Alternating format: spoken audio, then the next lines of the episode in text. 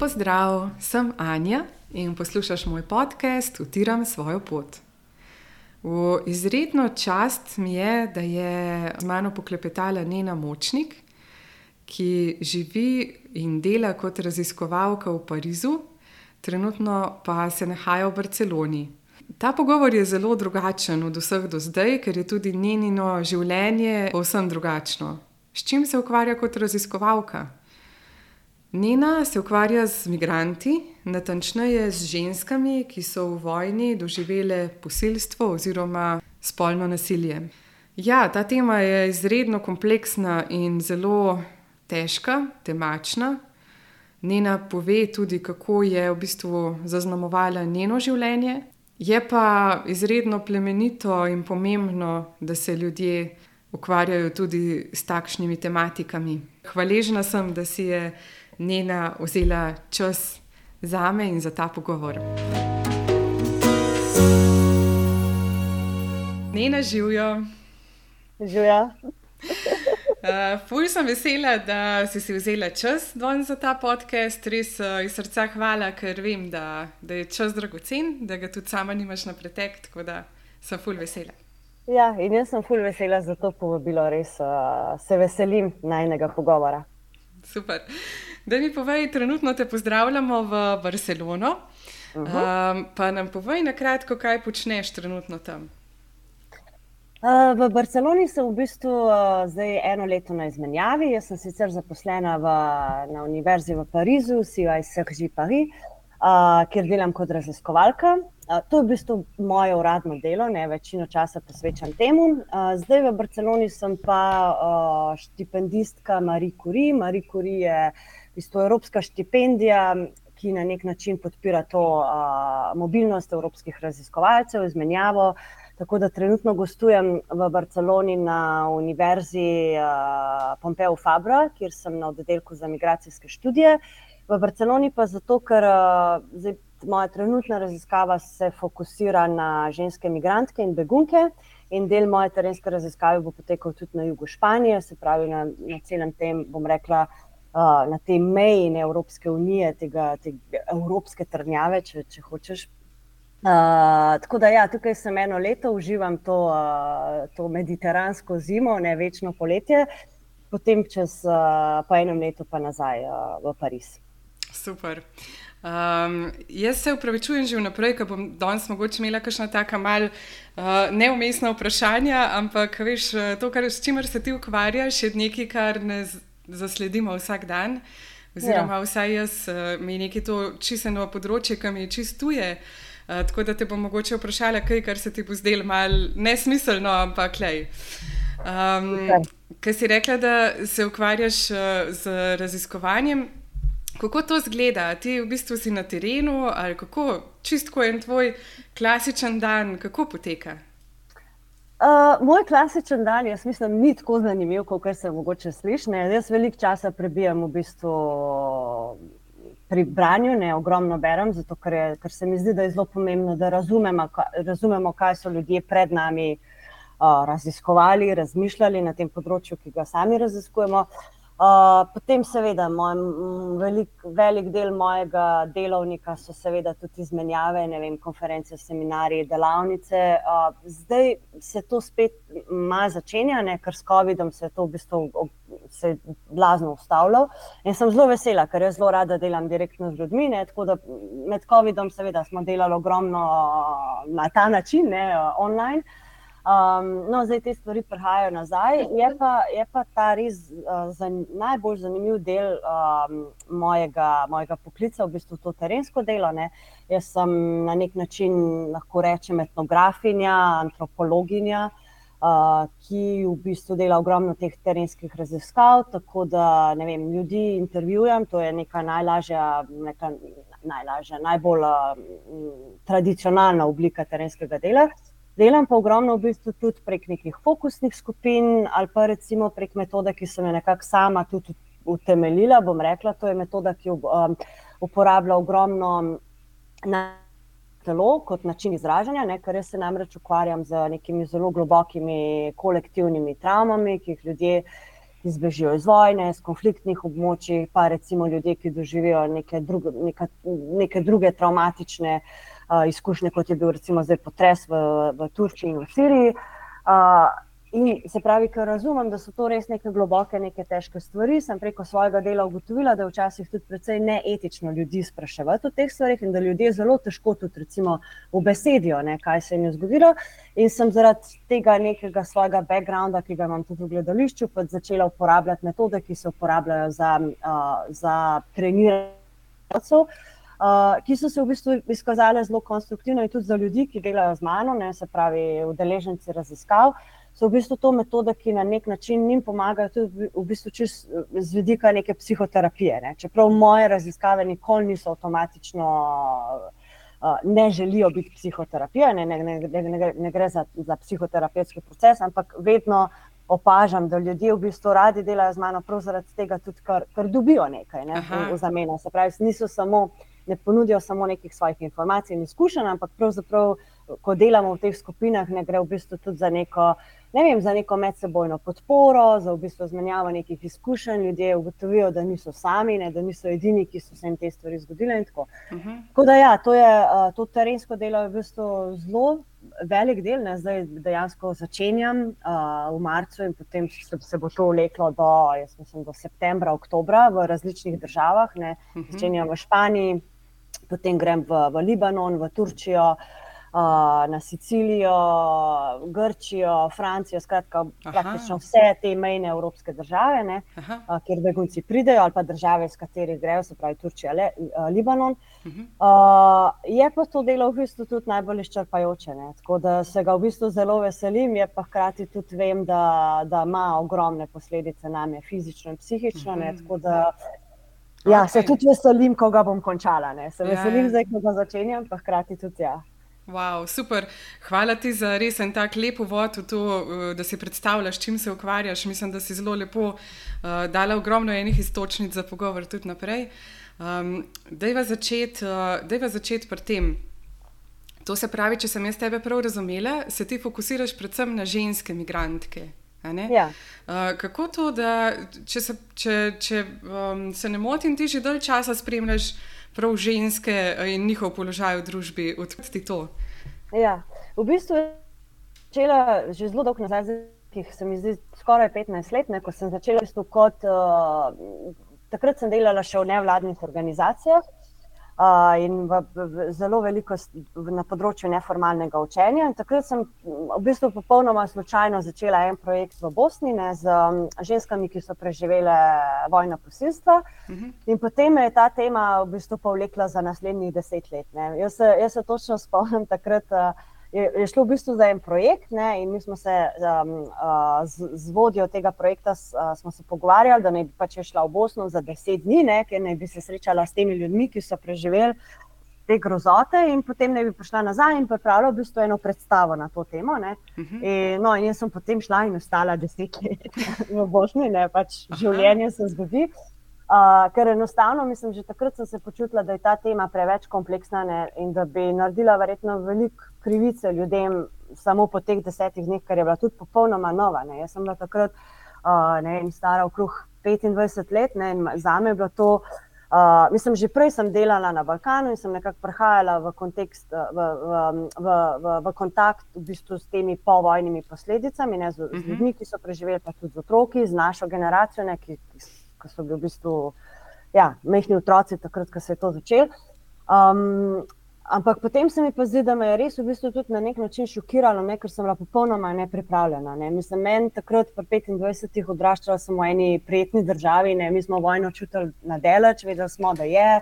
Mhm. Begunci so seveda prihajali, takrat v Sloveniji smo imeli nek stik, ampak vsem uh, se seznaniti v bistvu z, z vsemi temi res grozljivimi zgodbami ne, vojnih začinov, v bistvu seznance s tem, da kako lahko ljudje v bistvu se sploh domislijo uh, takih načinov nasilja, ne, ki se dogajajo med vojno, kaj šele kako lahko preživijo in kako lahko potem živijo s to zgodbo. Ne. Vsi tisti, ki preživijo in tisti, ki so izvajali nasilje. Res je. Um, Tako da mene, mene se mi zdi, da me je takrat to res, uh, v bistvu ta šok in to, da dejansko nekako nisem mogla verjeti, da, da to se je dogajalo tako blizu nas. pa v bistvu tudi na nek način, ne vem, ta neka radovednost, vedeti, razumeti bolj, uh, tudi razumeti, ne vem, kakšne so dolgoročne posledice in tako naprej. In potem so se, ne vem, stvari, kar kar zlagale, ne, da na koncu sem preživela vsa ta leta tam. Uh, in zdaj, ne, kar zdaj v bistvu nekako nadaljujem, nisem pač fokusirana samo na ta balkanski, bosanski kontekst, ampak sem v bistvu razširila, ker sem nekako začela tudi, ne, ko sem se preselila v Francijo, sem prišla bolj v stik tudi recimo s temi begunci, ki zdaj prihajajo, jasno, Francija je ogromna, uh, je v bistvu bazirana na migrantih, na beguncih. Um, in sem nekako v bistvu začela razumeti, ne, da Evropa je, celotna Evropa je zelo, zelo ranjena. Ne, mhm. kar se tiče še od druge svetovne, naprej, od druge svetovne vojne naprej, uh mhm. -huh. kjer imamo praktično vsi uh, neko izkušnjo, ne, takšno ali drugačno, kot evropejci. Potem pa seveda tudi, ker k nam prihajajo vsi te, bom rekla, ranjeni ljudje ne, iz teh hudih, hudih, uh, iz vojnih območij, iz teh nekih hudih nasilnih kontekstov. In, in to se mi zdi, da je v bistvu tudi naša zgodba. Ne? In se mi zdi zato pomembno tudi razumeti, kaj se s temi ljudmi tukaj dogaja, ki ostanejo, ne? kaj se dogaja s travmami, kako te travme v bistvu um, uh, na nek način vplivajo ne? Na, na nas, uh, ki živimo v Evropi, se pravi na vse. Uh, zakaj pa ženske, prej kot sem rekla, jaz mislim, da je bilo eno tako mogoče na ključe, mogoče ne uh, na začetku, ne? zdaj pa se mi zdi, da predvsem v zadnjem času, ker se res ogromno ukvarjam z reproduktivnim zdravjem, ne, se, se pravi, predvsem z, z ženskim zdravjem, če želiš, ne zdravjem, ki je povezano z našim, ne vem, s tem, ne, da imamo uh, rodila, da imamo, ja. ne vem. Da, da, da imamo izkušnje vem, in menstruacije, in splava, in zanositve, in tako naprej. Ne, v bistvu ta specifična, rekla, tudi biološka ženska izkušnja, ne, Se mi zdi pa, da me vedno bolj zanima tudi kot žensko. Ne. Jaz sem zdaj se res sama sebe vidim kot odraslo žensko pri 36, pri 37, skoraj brez otrok, v bistvu, pri čemer je bila to moja odločitev. Ne. In v mhm. bistvu reflektiram vse te stvari v delu, ki ga zdaj počnem. Uh, pač skušam razumeti, ne, kako, je, kako je naše življenje povezano s tem, da smo ženske. Uh, in uh, s, to, s temi našimi res dejansko biološkimi predispozicijami, ne? kako nas to zaznamuje, in pa v bistvu tudi, predvsem, kako um, to, uh, bom rekla, uh, reproduktivno zdravje, ko recimo nimamo na voljo nekih, um, nekih um, um, ne vem, neki, uh, ko nimamo, da, tako, ko nimamo ja. na voljo vem, nekih uh, intervencij, oziroma ko ko ne vemo, kam se obrniti po pomoč, ko potrebujemo v bistvu pomoč specifično vezano na to, ne, kako je to lahko tudi v bistvu dejansko travma. Mm -hmm. Tudi recimo, samo materinstvo, zanositev, pa potem izguba otroka v različnih fazah. Mislim, to so, to so res, to, te stvari ženske res zaznamujejo in se mi zdi, da še vedno o tem ne govorimo. Ne. Ja, to je nepredstavljivo. Ja. Tako, ja, če pa potem to povežeš recimo še na žensko, ki nima stalnega bivališča, ne, na žensko, ki je bila prisiljena se v bistvu preseliti, na žensko, ki vem, mora uporabljati svojo spolnost za to, da lahko prehrani svoje otroke, ne, kar je v mm. bistvu zelo, zelo klasična zgodba teh begunk in imigrantov. Uh, mislim, to se pa v bistvu še, to pa še stopnjuje v bistvu res to neko traumatično izkušnjo. Ne. Yeah. Ja. Tako da danes se mi zdi, da me vedno bolj zanima, zanima prav ženske, prav v bistvu tudi zaradi te moje, bom rekla, zelo privilegirane izkušnje. Ne. Ja. Dejstvo, da sem se dejansko res vedno sama lahko odločila, uh, ali želim imeti otroke ali ne želim imeti otroke. Odločila sem se lahko, uh, ali želim imeti partnerja ali ne, kdo je ta partner. Je. Ne, uh, ali ne vem, želim ostati v zvezi ali je zveza to, že zdaj. Mislim, to so vse neke stvari, ki, ki jih sama tretiram kot v bistvu neko osnovno človekovo pravico, zavedam se pa, da so zelo kompleksne, ne, ker so zelo kulturno pogojene. Tako da ja, imam tudi zelo osebni v bistvu, odnos do te teme, ki jo raziskujem. Vmes, ko govoriš, si, se meni to enih vprašanj poraja, ker je, ker je res zanimiva tema. Ampak recimo ena stvar, ki sem jo hotela um, uh, se dotakniti no, ali pa omeniti, je to, da se mi zdi, da imaš ti trenutno ali pa že nekaj časa v pogled v ta svet, v katerega mogoče mi, ki hodimo v neke bolj um, konvencionalne službe, nimamo. Ja. In uh, včasih izgubimo ta občutek oziroma zavedanje te hvaležno, hvaležnosti, tudi, uh, če hočeš, uh, za vso to privilegiranost, ki jo dejansko imamo, ne? vse, kar ja. si omenila, da imaš ja, ja. možnost ja. izbire. Pa v bistvu tudi marsikdaj pozabimo, da imamo res, ne, okay, stvari so tudi kulturno, a ne zelo tako. Potihem narekovane, ne včasih, ampak ja. še vedno imaš možnost ne, se odločiti sam, še vedno imaš možnost uh, uh, izbrati to, kar si res ti želiš, ne? ti ja, kot ja. oseba. Ne? Tako da ja. se mi zdi, da mogoče ti, ki se s tem ukvarjaš, da imaš še toliko večje zavedanje. Tega, kaj v resnici mi imamo, ne, tukaj ja, v Evropi. Ja, sigurno. In te, iz tega vidika, spet ne kot ženska, jaz mislim, da mi, ki smo bili rojeni v post-jugoslovanskem prostoru, ne, če želiš, mi smo imeli v bistvu vse te stvari z legalnim abortusom, pa s kontracepcijo, pa ne vem, samostojno žensko in tako naprej. Ne, to je bilo povezano jasno s temi delovskimi pravicami in ženska kot delovka, ki je bila pač bolj koristna kot ženska kot ženska. Ne. Jaz se tega konteksta zavedam, ampak vsem se pa zavedam tudi tega, ne, kako je v bistvu nas.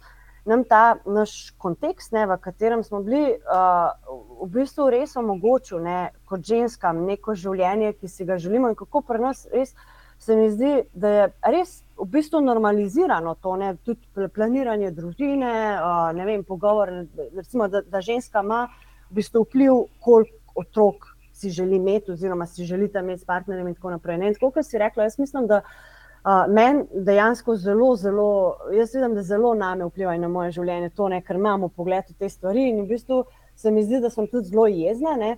In hkrati tudi v enem takem, če želiš, v enem takem, v bistvu um, zelo velikokrat se najdemo v eni taki črni luknji, ne?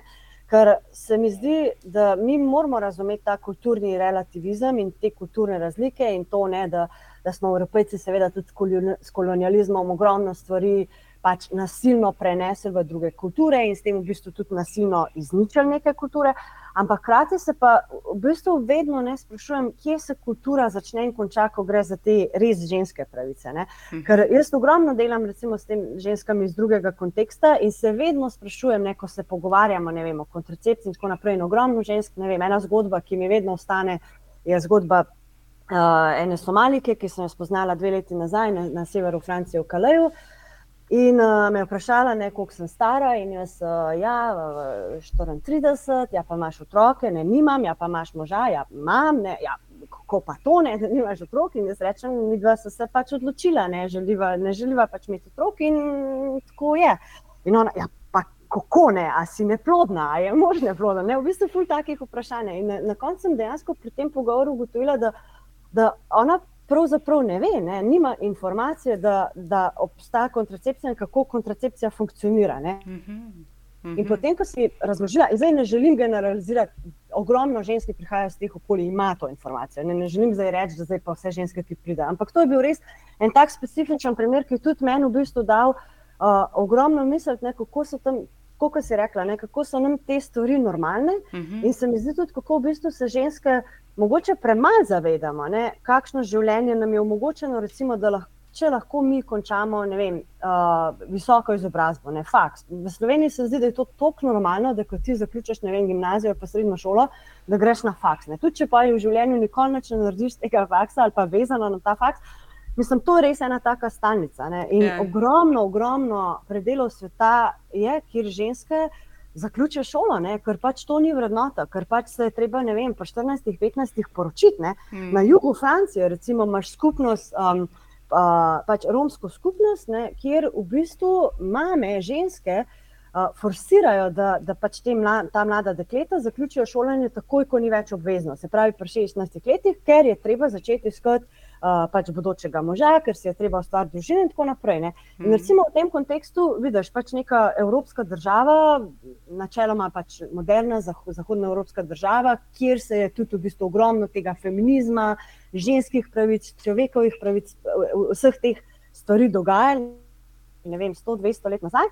In imaš v bistvu neko zelo, zelo zaprto skupnost, kjer je, ogrom, kjer je velika vrednota še skozi to, ne, da ženska pač čim prej rodi čim več otrok. Ne. In zdaj, Kako recimo delati v tem kontekstu, jaz kot ena privilegirana belka, ne vem, zahodnoevropsko izobrazbo? Ne? V bistvu je, je, je, ful, mm. je, je, je v bistvu ful kompleksno, ne? pa hkrati jaz sem v tej neki svoji koži, kjer to mi je vrednota ne? in kjer mislim, da ženske, mlade ženske bi mogle biti deležne izobrazbe. Pač, kar se da, ne, čim više, kot se da, in da ta pot je neka pot do svobode. Zdaj, ko jaz to razlagam, ne, to lahko zelo hitro izpade, da okay, imaš ta evropocentrični pogled, ne, uh, ki je pač ena stran te zgodbe. Tako da, ja, ta kontekst je zanimiv in, kot si rekla, tudi mi pomaga vedno reflektirati dejansko ja, pravice, ki jih imam in življenje, ki sem ga lahko izbrala, ne v bistvu zaradi teh pravic. Ja, ja fulj zanimiv. Kaj to razlagaš, res zanimivo, ker um, jaz recimo nimam toliko izkušenj s tujci kot ti, sem pa nekaj časa živela v Turčiji, ker sem bila tam na izmenjavi v Ankari. Ja, ja. In uh, meni je bilo zanimivo tudi, ko sem se pogovarjala s Turkinjami glede tega, veš, ne vem, zakritosti žensk. Pa ne, je zanimivo to, ja, ker sploh ne veš, koliko ti gledaš res skozi svoje oči, svoje kulture, koliko pa gledaš čist človek kot človeka. In ja. ker se pogovarjaš z različnimi ženskami, ti bojo res tudi one spet različne poda odgovore podale, glede na, veš, glede na njihovo osebnost, njihove vrednote, poglede. Sigurno, ena, bo sigurno, rekla, ena, ena bo rekla, da ja, tako je, sej ženske se same odločijo, da se zakrijajo, seveda, je, pač, mi smo čisto svobodne tukaj. Druga, ja. druga mi, mi je rekla, recimo, jah, a bi bilo te všeč, če bi bila ti zakrita. Ja, veš, ja, ja, in, je, ja. in je to res zanimivo. No, sploh se mi zdi pri teh bolj občutljivih temah, ko so že itak, veš, znotraj ene kulture. Ja. Občutljive, a boš imel otroke, a ne boš imel otroke, a se boš šolo, a se boš raj poročil. Veš, že, ja. že tako ne vprašaš, ne znotraj kulture, ko pa ti v bistvu ti to raziskuješ še v tujih kulturah, pa verjamem, da je res to tako večplastno. Ja, um, ja. Hkrati pa tudi uh, to, kar si omenila, to je ena stvar. No, drugo, kar je bilo pa zanimivo, je pa to, kar si rekla, da so te teme tako občutljive, ker v bistvu. Ljudje se, a ne sploh pri takih tematikah, ko so zelo boleče, ne, kot so vem, vojna posilstva, ne, se v mhm. bistvu pred tabo razgalijo in zdaj, a jim boš ti samo kot en mrhovinar pobral te podatke, a veš, pa ja. ne vem, naredil ja. nek svoj projekt se mi ja. zdi res super, da ti vključuješ tukaj zraven še en del sebe, ki v bistvu jim probaš nekaj tudi dati nazaj. No? Tako da ja, to, ja. to se ja, hoče navezati. Ja, v bistvu je to eno res veliko vprašanje. Tud, mislim, tudi jaz se recimo sama sprašujem, ne? ker dejansko tudi vedno, ko ljudi vprašaš te stvari, ti spet odpreš to rano. Ne? In uh, zdaj sem bila, uh, ravno pred kratkim, bila na eni, na eni delavnici, kjer smo se ogromno, jasno, pogovarjali uh, o tej situaciji v Ukrajini ne, in kako pristopiti, ker uh, v bistvu tudi v Ukrajini je ogromno pač, tega spolnega nasilja, vojnega spolnega nasilja, v bistvu že od 2014, ne, uh, ampak zdaj se je to razširilo pač na celo državo. In smo se res ogromno pogovarjali, ker zdaj, uh, v bistvu smo se pogovarjali tudi res, kako zdaj ne zbirati podatke. Uh, kako, ne vem, ker recimo iz Bosne je prišla takoj ta inicijativa, ženske morate spregovoriti, ne, ženske morate ne vem, vse zapisati, čim prej pejte do ljudi, čim prej pejte tudi do raziskovalcev, ne, ki bodo zabeležili vaše zgodbe, ker ko se vojna konča, bo veliko lažje potem imeti to evidenco in bo v bistvu veliko lažje doseči neke. Uh, mislim, pride do teh nekih um, sodnih procesov, ne, kjer se bojo vojni zločini uh, pač, uh, obsodili. Zdaj, jaz se v bistvu s tem zelo strinjam, ne, ampak po drugi strani pa tudi se sprašujem, koliko dejansko mi rabimo uh, detajlov ne, iz, teh, um, iz teh zločinov, ki se zgodijo, koliko v bistvu rabimo mi teh uh, uh, pričevanj, ne, če mm, hočeš. Mm -hmm. Zdaj, seveda, za sodne procese, več kot jih je, lažje je obsoditi, ne, več kot je detajlov, ker pri pr, pr, posilstvih je še vedno ta problem, ne, da je ogromno zanikanja. In te stvari se tudi. Veš, mislim, če, ti, če, te, ano, če, če si ti ustreljen, ne vem, nogo, imaš pač neko rano. Ne. Pri posilstvih je večinoma tako, da se pač ne vidi nič. Mislim, mi je ogromno teh, bom rekel, tudi zdravstvenih posledic. Ne vem, recimo, ženske ne morejo zanositi, imajo ogromne blazne bolečine. Ne, ne vem, mislim, da ne govorimo seveda o psiholoških posledicah, ampak tisti, nek, neki, ki želijo zanikati v bistvu te zločine, jih lahko zanikajo. Jaz sem bila priča, ker v Bosni sem bila na teh pričevanjih. Ne, dejansko so od žensk zahtevali, vem, da se slečejo na sodišču ne, in pokažejo, kje se vidi, da je bila ona pač posiljena. Mislim, to, pač, ampak te stvari tako funkcionirajo. Ja, še vedno. Pač, še vedno, ja. Mislim, to, je, to je pač uh, ustaljena praksa. Pač, kdor, bo, kdor bo bolj grob, kdor bo bolj agresiven, bo pač zmagal. Mislim, tako sodišče funkcionira.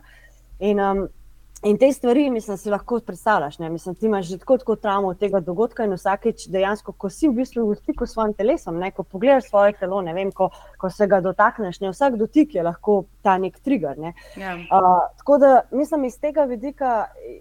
zdaj, če se vrnem nazaj ne, na ta tvoj komentar, jaz tudi v bistvu sama kot vem, etnografinja. Ne, zdaj se veliko sprašujem, koliko v bistvu zdaj sploh sprašujete ne, te ženske, ki so tudi v enem takem tranzitnem stanju. Mislim, pa njim je zdaj najbolj važno, da pač ne vem, dobijo hrano, imajo to neko zatočišče, ne so. Dokaj varne, mislim, čeprav to je res, ne vem, koliko si lahko varen ne, v teh ilegalnih taboriščih, da pač imajo neko vizijo tudi kam naprej, ne vem, da imajo ta nek krok, ki je dobiti pomoč in tako. Ampak je fulj zanimivo. Jaz mislim, da sta tle dva, dva segmenta vem, ljudi in njihovih reakcij. Ne. En segment je v bistvu tak, za katere je to premočno, ki jih pač retraumatizira in ki tudi v bistvu ne želijo o tem govoriti. Potem imaš pa segment ljudi, ki, ki zelo želijo o tem govoriti, ker je to tudi na nek način v bistvu terapija. Uh mhm. -huh. ne, ker v bistvu si želim in ker verjamejo, da bodo s tem prispevali, da se pač te neki zločini obsodijo in tako naprej. Uh mhm. -huh. Zdaj, recimo na jugu Španije sem, v kontakt, eh, sem zelo v kontaktu s temi mrežami um, predprodajalcev, ne, belega blaga, ker ogromno migrantk oziroma begunk ali pa migrantki pridejo zaradi dela uh, kot ekonomske migrantke v Evropo iz podsaharske Afrike, ne, v bistvu končal v teh mrežah. In te mreže so na, na, na jugu Španije res, res uh, razvite. In uh, recimo, tle imaš ženske, ki si želijo o tem govoriti, ki razumejo, da je pomembno o tem govoriti, če mi želimo najti ljudi, ki, so, ki, ki vodijo te mreže. Ne. Po drugi strani pa je ta strah tako močen. Uh mhm. -huh. Da jaz, recimo, uh, v bistvu pol, pol mojega terenskega dela zgleda samo tako, da hodim od enega mesta do drugega in poskušam najti ljudi, ker jasno, ljudje se bojijo. Kje pa, kje pa mi lahko zaupajo, da jaz pa ne bom tudi predala nekih podatkov, ki bojo, ki bojo njim škodljivi. Uh -huh. V bistvu vsi ti begunci so tukaj ilegalni bojijo, vem, da, da jih bojo ujeli, da jih bojo zaprli, tudi da bojo šli v azilni dom, ker če želijo iti naprej, ne, ja. uh, ne smejo iti v azilni dom v Španiji, morajo priti do Francije, do Velike Britanije in tako naprej. Ne. Tako da, uh, v bistvu, vem, jaz mislim, da, da je res važno, da res poslušaš ne, tudi ljudi, kaj želijo. Ker eni ljudje bojo, recimo, zdaj, ravno v teh dneh sem dobila ljudi, ki so me sami kontaktirali ne, prek telegrama in tako naprej in so rekli, ja, jaz želim s tabo govoriti. Aha, to so pa sploh zvedeli, znate.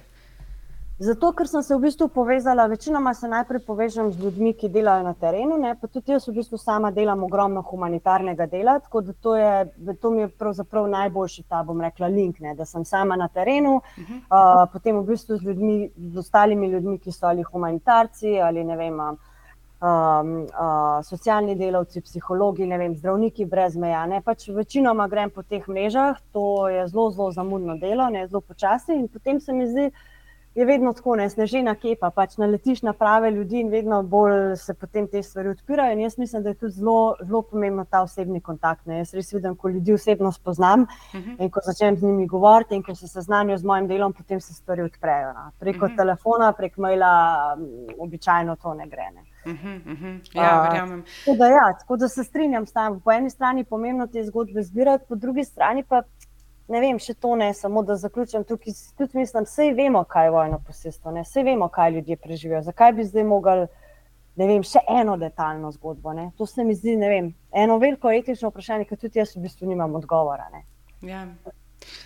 To je zanimivo. Ja. Tako kot tudi, recimo, ne vem, ta, ne vem, kaj, vsa ta mučanja v vojni. Po eni strani recimo, lahko da nekomu še eno idejo, mislim, v najslabšem primeru. Ja. Ampak dobro, ja, še vedno pa lej, so to stvari, ki so boleče, pa se jih je treba dotikati, samo mogoče res, kot si sama omenila, da iščeš najboljši možen način, pa da iščeš one ljudi, ki jim. Že samo po sebi to odgovarja, jaz mislim, no, tako pač ja, ja. od zunaj, ker to opazujem, pa, pa komentiram. Uh, Um, recimo, uh, a ti si drugače po izobrazbi, si etnografinja in antropologinja? Po izobrazbi sem kulturologinja. Aha, okay. ja, jaz sem v bistvu in potem sem se, uh, zato ker sem delala večino terenskega dela na Balkanu, sem se fokusirala na Balkan kot regijo in v bistvu na. Pač zelo me je zanimalo tudi to, ne postvojno, povojno, v bistvu ta povojna regeneracija, rehabilitacija. Ne. Uh, Uh, ampak sem, zakaj pravim etnografija in antropologija? Ker moj način dela je tak. Uh, pri antropologiji imam malo zadržkov zaradi pač te same zgodovine, pa tudi zato, ker se mi zdi, da se kot veda, uh, ne vem, se je na nek način ustavila na eni točki, kjer se jaz več ne identificiram preveč. Uh, Uh, tako da bolj bi rekla etnografinja, ker, ker zbiram podatke na terenu, ne, kar uh mhm. -huh. pač, uh, ne vem, z opazovanjem, z, z fokusnimi skupinami, z intervjuji. Uh mhm. -huh. Mislim, da meni je v bistvu najtežje vprašanje, je, da se moram predeliti po disciplini. Ne, ker jaz tudi. Ja. recimo, ne vem, ko predstavljam svoje delo, mislim, tudi ljudje se mi zdi, da imajo ful težave ali med vem, v te gender studies, ali med v, v peace and conflict, ali med ne vem, zdaj sem recimo na migracijskih, Aha. v Parizu sem na digitalni humanistiki, ker v bistvu zdaj tudi gledam, kako preko uh, digitalizacije lahko te stvari, ne vem, potiskamo naprej. Ne. Tako da tudi jaz se ne želim v bistvu uh, sama ne, postaviti v eno disciplino, ampak če gledam po naravi dela, ki ga delam na terenu, je v bistvu etnografija. Aha, ok, okay super, ja. zanimivo. Um, si pa prej se že mal navezala tudi na to temo, da uh, vključuješ eno, kot eno od metod, če sem to prav razumela, um, ja. zdravljenje teh travm prek giba. A je nekaj, ja. nekaj tasga, da jim malo več nam povejo o tem, kar se tudi s tvojimi gledališkimi predstavami povezuje. Ne? Ja, ja, jaz sem v bistvu začela, mene je zelo zanimalo gledališče od vedno ne? in sem mhm. imela tudi eno vizijo, da bi rada delala v gledališču na tak ali drugačen način. Večinoma kreirala stvari, tako da sem še v svojih najstniških letih pojmela par nekih poskusov. Potem sem pa v bistvu zelo hiter in jaz mislim, da je bil to resen tak zasuk v mojem življenju, naletela na v bistvu te razno psiho, psihodramske principe gledališča. Ne? In pa gledališča, ki se, ki se, ukvarja, ki se v bistvu uporablja v, v skupnosti, ne? se pravi skupnostno community theater, uh -huh. angliščini ali pa recimo gledališče zatiranih, ne? kar je zdaj v Sloveniji v bistvu tudi kar razvito. Takrat se spomnim, ko sem jaz prišla v kontekst, smo mi s tem projektom šele pepeljali to metodo v. In takrat smo izobrazili v bistvu prvih par trenerjev v, v, tem, v tem kontekstu. In mene je to takrat zelo potegnilo, in jaz sem imela potem še malo težav eh, pri svojem doktoratu, ker sem nekako skušala obrazložiti, da te metode intervjuvanja ne, in spraševanja so v bistvu zelo etično sporne, ker na nek način odpirajo te rane ljudem in sem iskala neke alternativne metode. In meni se je v bistvu pri samem mojem delu pokazalo, da ko sem uporabljala telo ne, ali pa gib, kot si rekla, z ljudmi, z ljudmi uh, ki imajo to neko globoko travmo. Uh, so se ljudje v bistvu zelo pozitivno odzivali. Ne? Tako da sem imela takrat v času doktorata že ful dobre rezultate z terena, uh, ampak nekako to ni šlo skozi, skozi te razne komisije pri nas, ker je bila ta metoda ful nepoznana. Ne. Prosti, samo malo te prekinem. A je to v bistvu umetnostna terapija?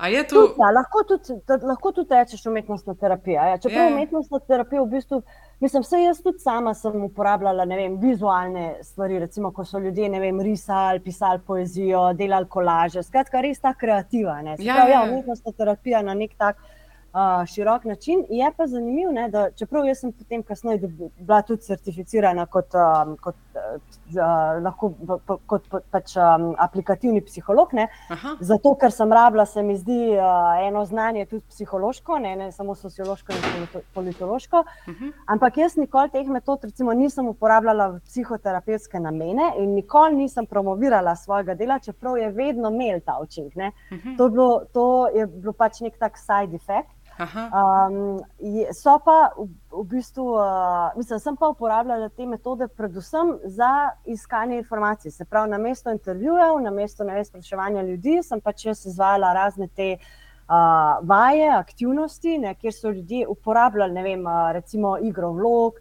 Pa potem, ne vem, so mogli pač upodobiti razno razna čustva, ne vem, mm -hmm. mogli so se upisati, ne vem, zaigrati nek dialog, recimo, ki jih je postavil neko konkretno situacijo. In skozi te stvari sem jaz dobila Jaz verjamem, ogromno enih informacij, ki jih samo skozi nek tak verbalni dialog ne bi, ne? ker so ja. ljudje tudi v bistvu začutili, res začutili v bistvu stvari. Ja, ja, ja, uh, da, na nek način sem imela srečo takrat, potem, ker sem dobila to Fulbrightovo štipendijo, ki mi je omogočila študij v Los Angelesu.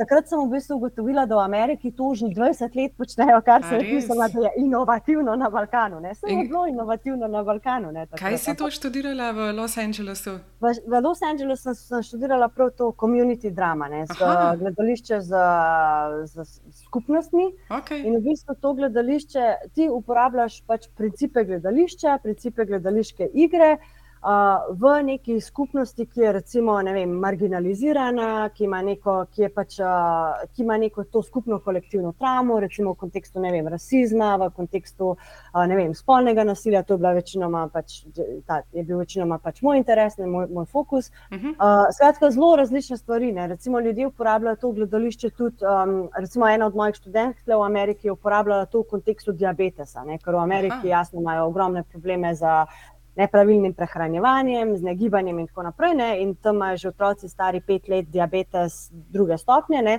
In ona je v bistvu uporabljala gledališče kot način ozaveščanja. Ne, pripravili so v bistvu študenti neko predstavo, s katero so potem potovali po teh skupnostih in ljudi na nek način osveščali, kako vem, se pravilno prehranjevati, kako se gibati in tako naprej. Ne. Mm, Tako da gre v bistvu za eno tako edukativno metodo. Ne. Ja, ja, fulj zanimivo, res. Tudi to, kar si omeni- omenila, ne, da. Um, Jaz sem te zato vprašala, če je to kaj povezano s uh, umetnostno terapijo, ker uh, kar, kar se tiče teh tematik, mi je še najbližje glasbena terapija. Nekaj časa Ja. me je to področje zelo zanimalo, se še zdaj mi je izredno zanimivo. In tudi tam uh, so omenjali, da v bistvu ti neke take travme, sploh vojne travme, take stvari, veliko lažje izraziš skozi eno umetnost, kot pa verbalno. Ja, Ker, ja. ja, kot prvo, manj boli, daš iz sebe stvar, lažje izraziš, lažje besedaš. Ja. Tudi pri otrokih, recimo, ne, menda, ker Ja, ja, ne znajo še povedati stvari. Tako pa v Ja, bistvu dajo ja. stvari ven iz sebe, hkrati se osvobodijo mogoče ene izkušnje, ali pa, veš, jih to mal, ne vem, jim pomaga na nek način. Ja. Po drugi strani pa tudi ti kot terapeut lahko z njimi um, vzpostaviš en dialog, vsaj pri glasbeni terapiji, vem, da je dost na dialogu poudarek. Ima tukaj tudi pri umetnosti giba, oziroma Ja. je tu- tudi tukaj tako, da v bistvu ti uh, vzpostaviš ne besedni dialog, ampak ne vem, mislim, a pa da a to dopolnjuje recimo besedni dialog, kako to zgleda Ja, v praksi. Ja, definitivno. Mislim, meni, je, meni se tako telo že samo kot po sebi zdi ful fascinantno. ne. Ful, uh, v bistvu, tudi recimo, vem, v vseh teh letih, ko sem delala z ljudmi, ko sem videla, kako se travma izraža, ne, se mi zdi, da mi še vedno premalo uh, poudarjamo, da v bistvu veliko te travme se, se naloži v našem telesu. ne. So bili, se, se je v bistvu par, par prispevkov, ki so zelo močni v to smer in tudi se mi zdi, da bolj in bolj se nagibamo ne, in k tem umetnostnim terapijam, glasbenim, gledališkim terapijam, da to tudi postaja vedno bolj, um, bom rekla, priznano ne, in da ljudje vedno bolj vidijo, da je efekt pač uh, lahko bistveno večji kot recimo ta verbalna terapija. Ne. Ja. Um, in ideja, moja ideja, in zakaj dejansko res tako verjamem, ne, da, da telo je v bistvu tudi zelo pomembno kot nek raziskovalni objekt, v smislu, da ne samo, da sprašujemo ljudi, ne, kaj so doživeli, kaj doživljajo, kaj čutijo, ampak da, re, da jih recimo res tudi opazujemo. Ne. Mhm. In jaz sem pri svojem delu videla, da, da je bilo zelo velikrat v kontrastu, recimo, kaj so mi ljudje povedali in kaj je njihovo telo izražalo. Ne. Recimo, njihovo telo je bilo, uh, lahko vidiš v, v fuleni taki bolečini, v krču, ne vem, uh, začeli so se potiti, uh, ne vem, bilo jim je neprijetno, ne gledali so naokrog. Uh, to neko izjavo, ki so mi jo dali, je bila pa v bistvu zelo neutralizirana. Ne, zelo tako, um, v bistvu, ja, se, ne vem, niso tako težke, so sprejene. In vidiš, da je v bistvu konflikt, ne vem, neke te izjave in tega telesa, ne, ki se tam pred tabo ne kaže. In to mi je bilo v bistvu na začetku, se mi zdi en tak, um, uh, en, en tak začetni zagon, da sem začela sama biti. Uh, v bistvu, da me je začelo zanimati, ne, kako jaz lahko opazujem Mhm. telesa ljudi, ki so traumirani, in kako lahko to beležim kot nek uh, znanstveni podatek. Ne. Ja. In potem sem namerno začela te vajeti, kot si rekla, da uh, ja, seveda lahko bazirajo na dialogu, lahko di, um, bazirajo vem, samo na, na enem, recimo pri meni, ti bom dala konkreten primer, da si boš lažje predstavljala. Ena zelo, zelo pomembnih stvari in tudi zelo v bistvu težkih, bolečih, pa hkrati zelo uh, na nek način uh, konstruktivnih za te ženske, ne, je bila uh, vse vaje, ki smo jih delali z dotikom.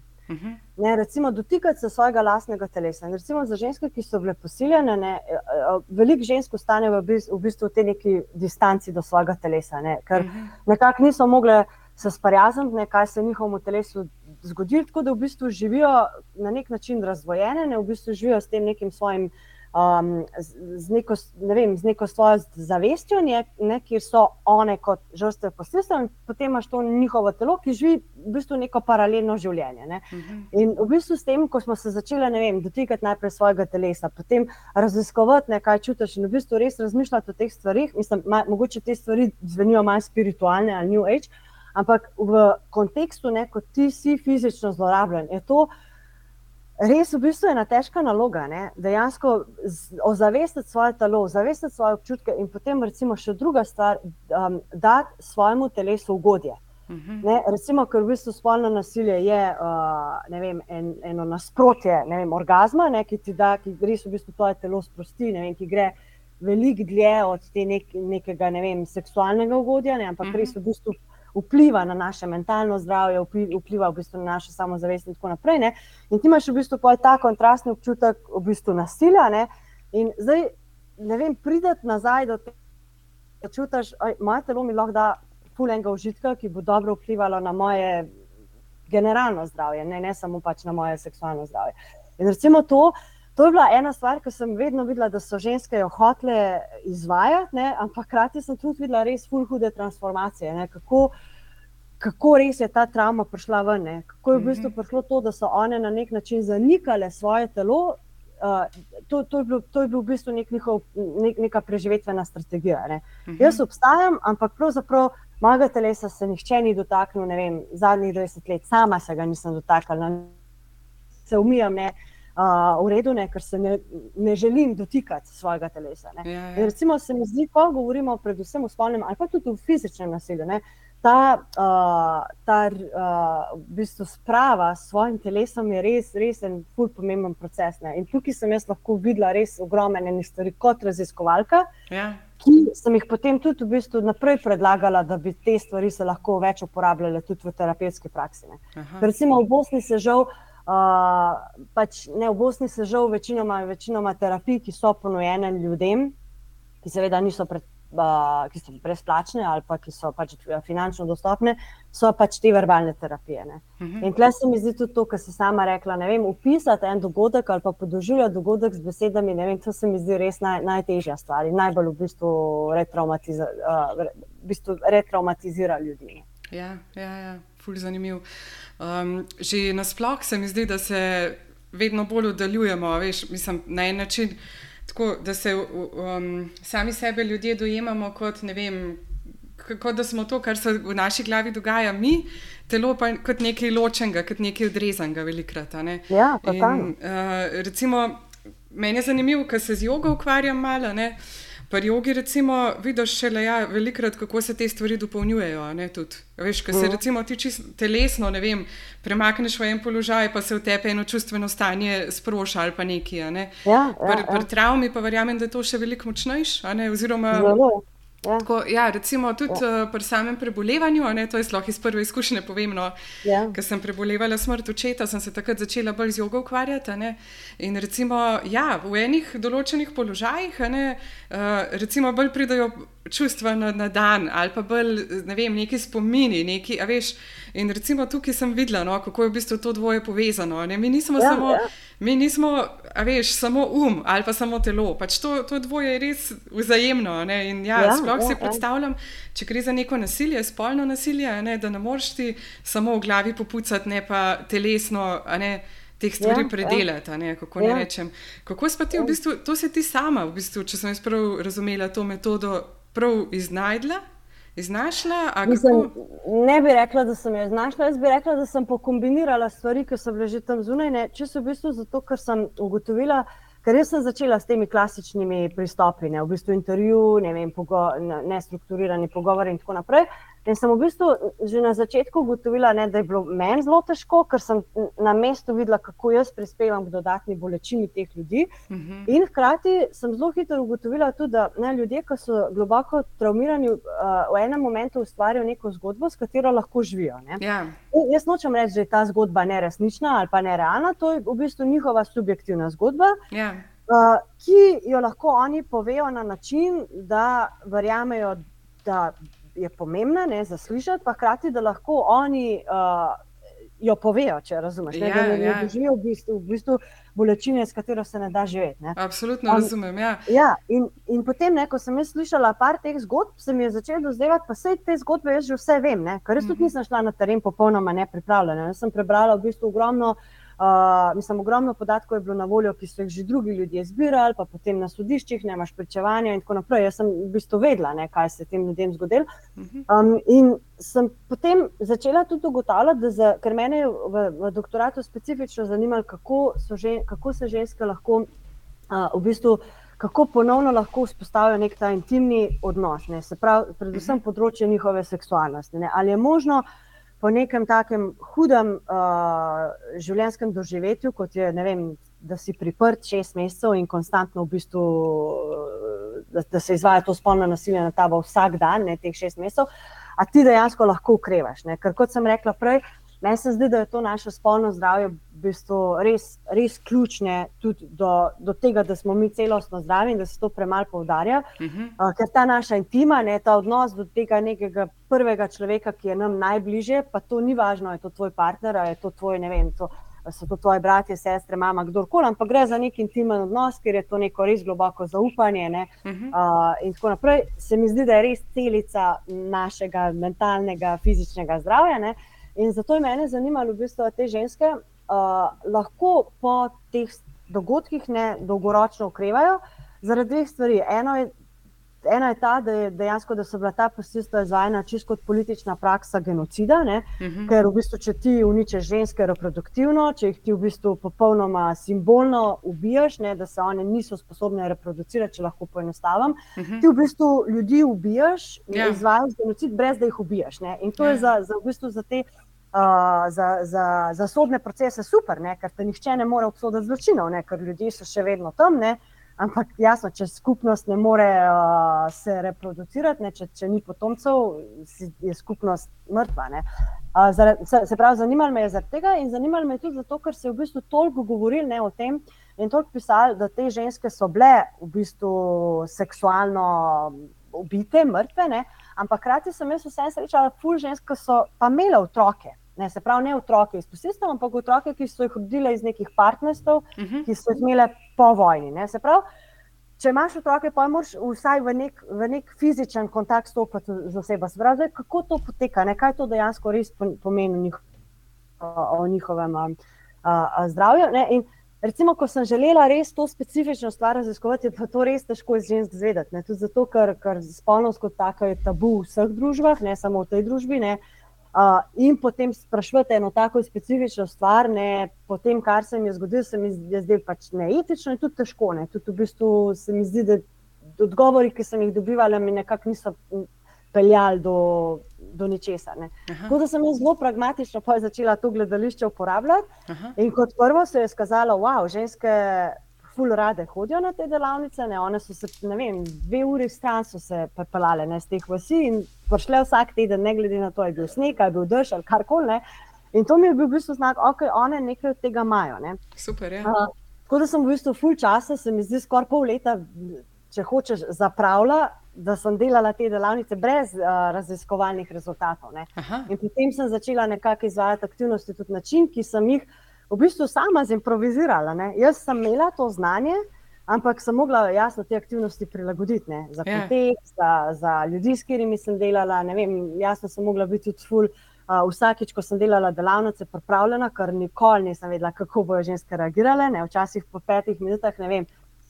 Je ena začela pač jokati in to je šlo v krogu, in je bilo konc za ta dan. Ne. Tako da v ja. bistvu časovno je bilo to res, res potratno. Uh, Um, in je tudi trajalo ful časa, da sem jaz sama najdla ta sistem. Uh, tako da ne bom rekla, da sem iz čiste nule ustvarila, to so ljudje počeli prej. Uh mhm. -huh. Sem pa postavila to v enem res specifičnem kontekstu in zdaj recimo vidim sploh s to z Ukrajinom, s Ukrajino, ker so me ljudje res začeli ful klicati, ne, kar se je pač ta totalna invazija začela.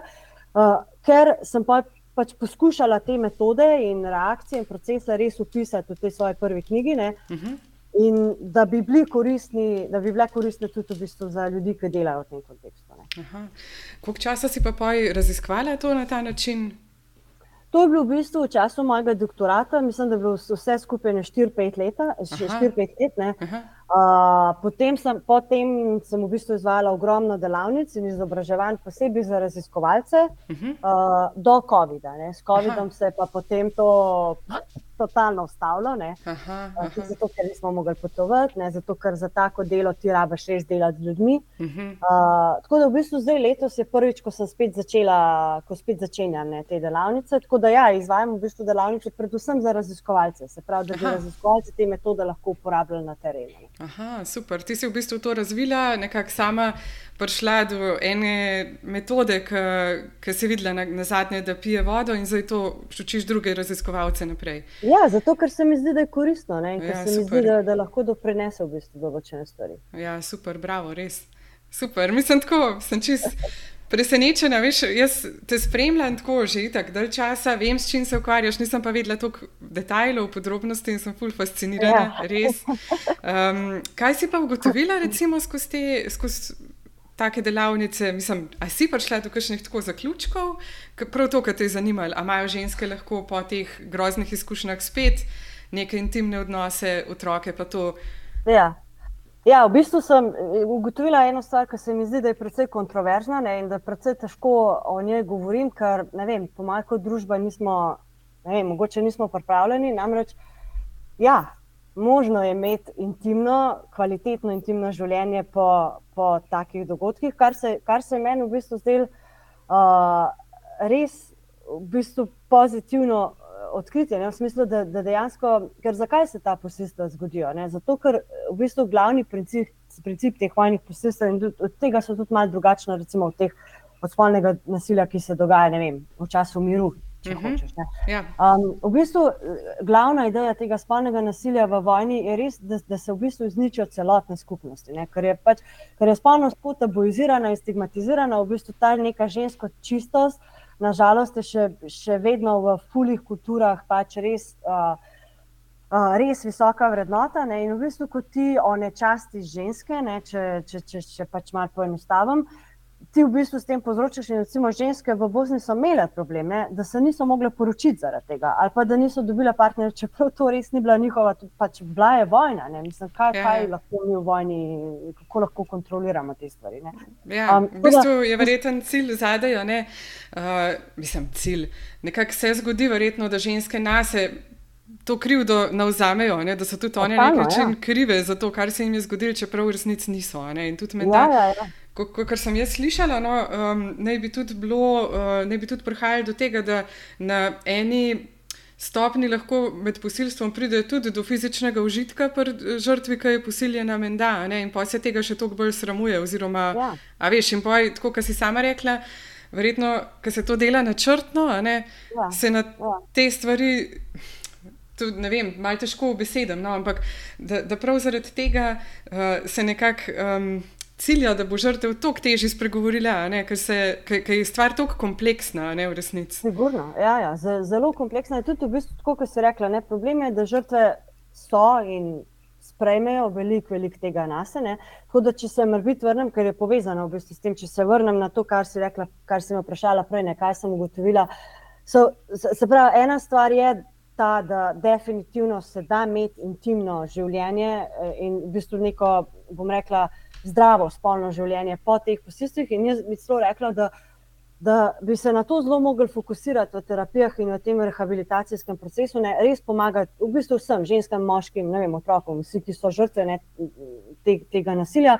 Da vzpostavijo in jih spodbujajo, da vzpostavijo pač neko zdravo relacijo. Jaz mislim, da je to zelo, zelo, zelo težko ne? in odvisno od mm. zelo ogromnih nekih dejavnikov.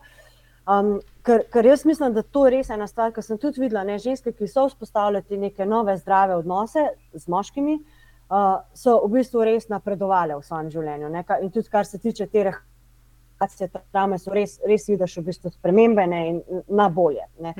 Um, zdaj, uh, druga stvar, ne, ki je pa tudi pomembna, ki sem jo tudi zelo videla, je pa ta, da uh, mi se In to je zdaj, recimo, ki se mi zdi ena napaka, ki jo ponavljamo z Ukrajino. Ne? Ko se te stvari zgodijo, se mi ful fokusiramo na žrtve, ne? kar je v bistvu logično, ker žrtvam pač želimo pomagati in v bistvu jim želimo ne vem, nuditi neko pomoč. In, in žrtvam se večinoma ponuja ta neka psihološka pomoč, ne? v smislu še vedno teh nekih terapij, to, kar so se prej pogovarjali, kar jaz spet ne želim zanikati in mislim, da je zelo pomembno, pa tudi v smislu neke, neke te čist medicinske terapije, ala antidepresiv in tako naprej. Uh -huh, uh -huh. Hkrati se mi pa zdi, da, da v Bosni je ena stvar, ki smo se jo lahko naučili in ki jo res, ki se mi zdi, da res, res spremeni stvari, je res delati na tej spremembi družbenega konteksta. Uh -huh. Ker dejstvo, da so imeli ljudje. Uh, Od partnerjev do širše družbe, do politikov, do medijev, tako moč, da so v bistvu te ženske še naprej stigmatizirali, da so v bistvu uh, uh, uporabljali te neke narative, ne, kjer je ženska, ok, se, mogoče pa vsem si glih mal kriva, ker si pred vojno si bila ful zaduživa in tako naprej. Mislim, take banane stvari. Ne.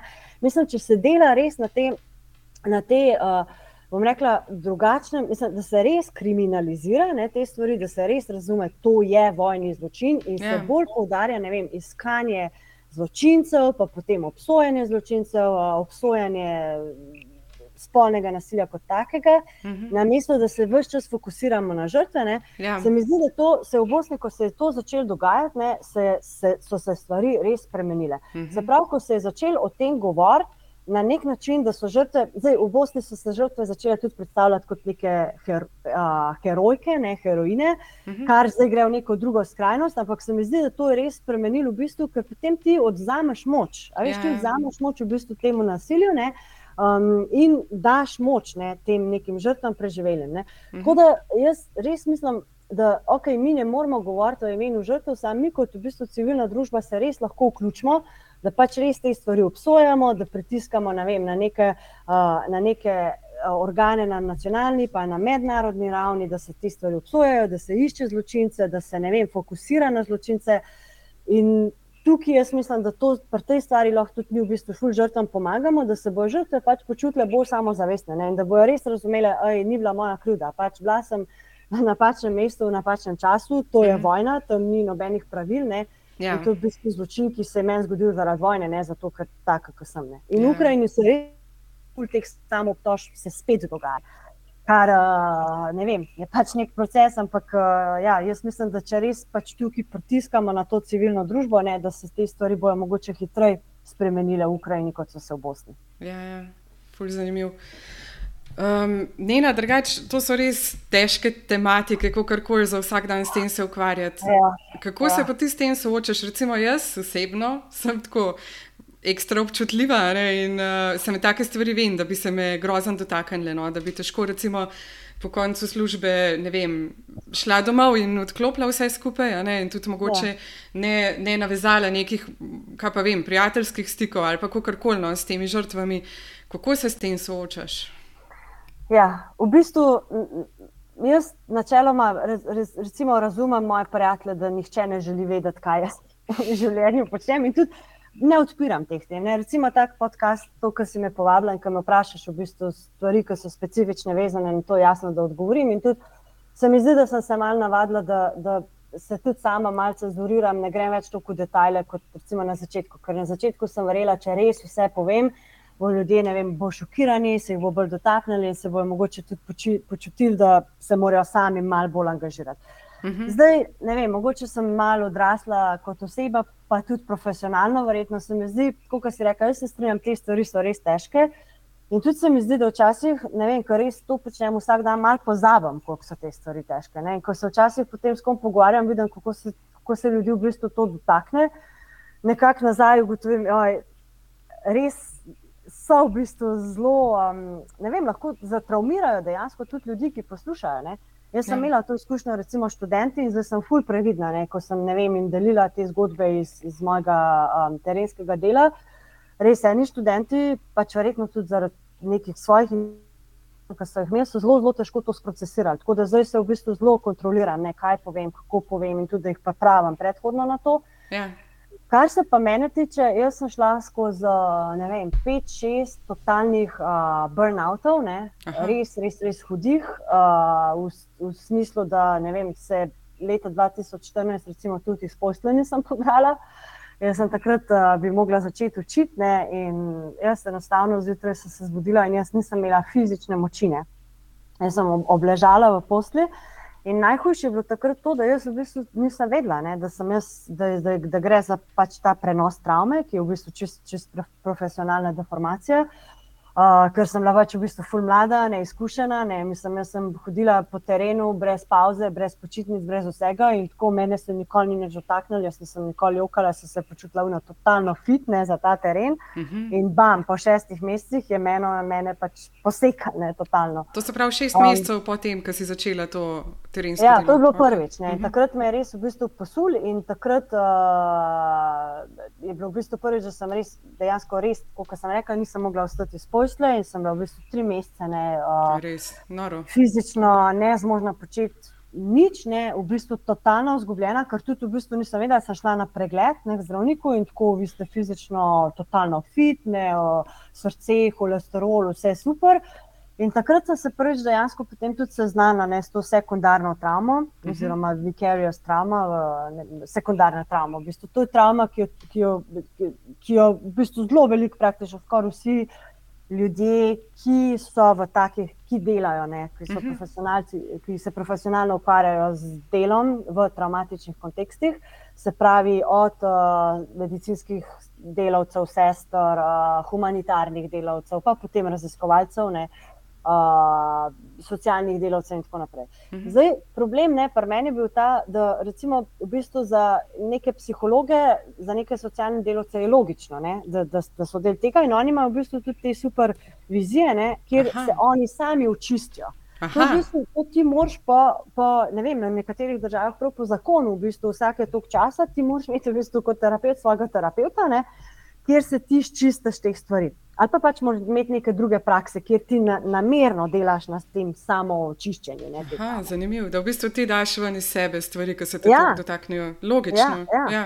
Recimo, mene v tem ni nihče nikoli izobrazil, plus tega sem bila pa v bistvu raziskovalka. In ko si ti raziskovalec, ne, mi še vedno tretiramo raziskovalce kot ljudi, ki nekako objektivno pišejo o nekih stvareh, ne, čeprav nam je jasno, da v, v humanistiki to pač ne funkcionira. Ne. Uh, Uh, in meni je bilo takrat, v bistvu, se mi zdi, da sem imela tudi en tak sram. A veš, in tudi v bistvu priznati vem, ljudem, da, da sem se izčrpala, da sem izgorela, in jaz sem še kar tako na, naprej uh, furala te stvari. Ne? Ker zdaj, tudi recimo, ena stvar, ki jo zdaj tudi ful delam, ne? jaz recimo delam ful treningov za humanitarne delavce uh mhm. -huh. in v bistvu za raziskovalce, ki raziskujejo v teh kontekstih. In mhm. odziv je ful velik, ne? zato ker so se ljudje začeli zavedati, ne, da mi nismo mašine. Mislim, ja. Jaz mislim, da se ti v prvi vrsti za tako delo odločiš, če imaš pač neko, neko to empatijo ne, do, in neko to, ne vem, rekla, ne vem, neko to razumevanje do sveta in želiš pač na nek način uh, ne vem, prispevati ali ja. biti del tega sveta. Ne. Definitivno, in, ja.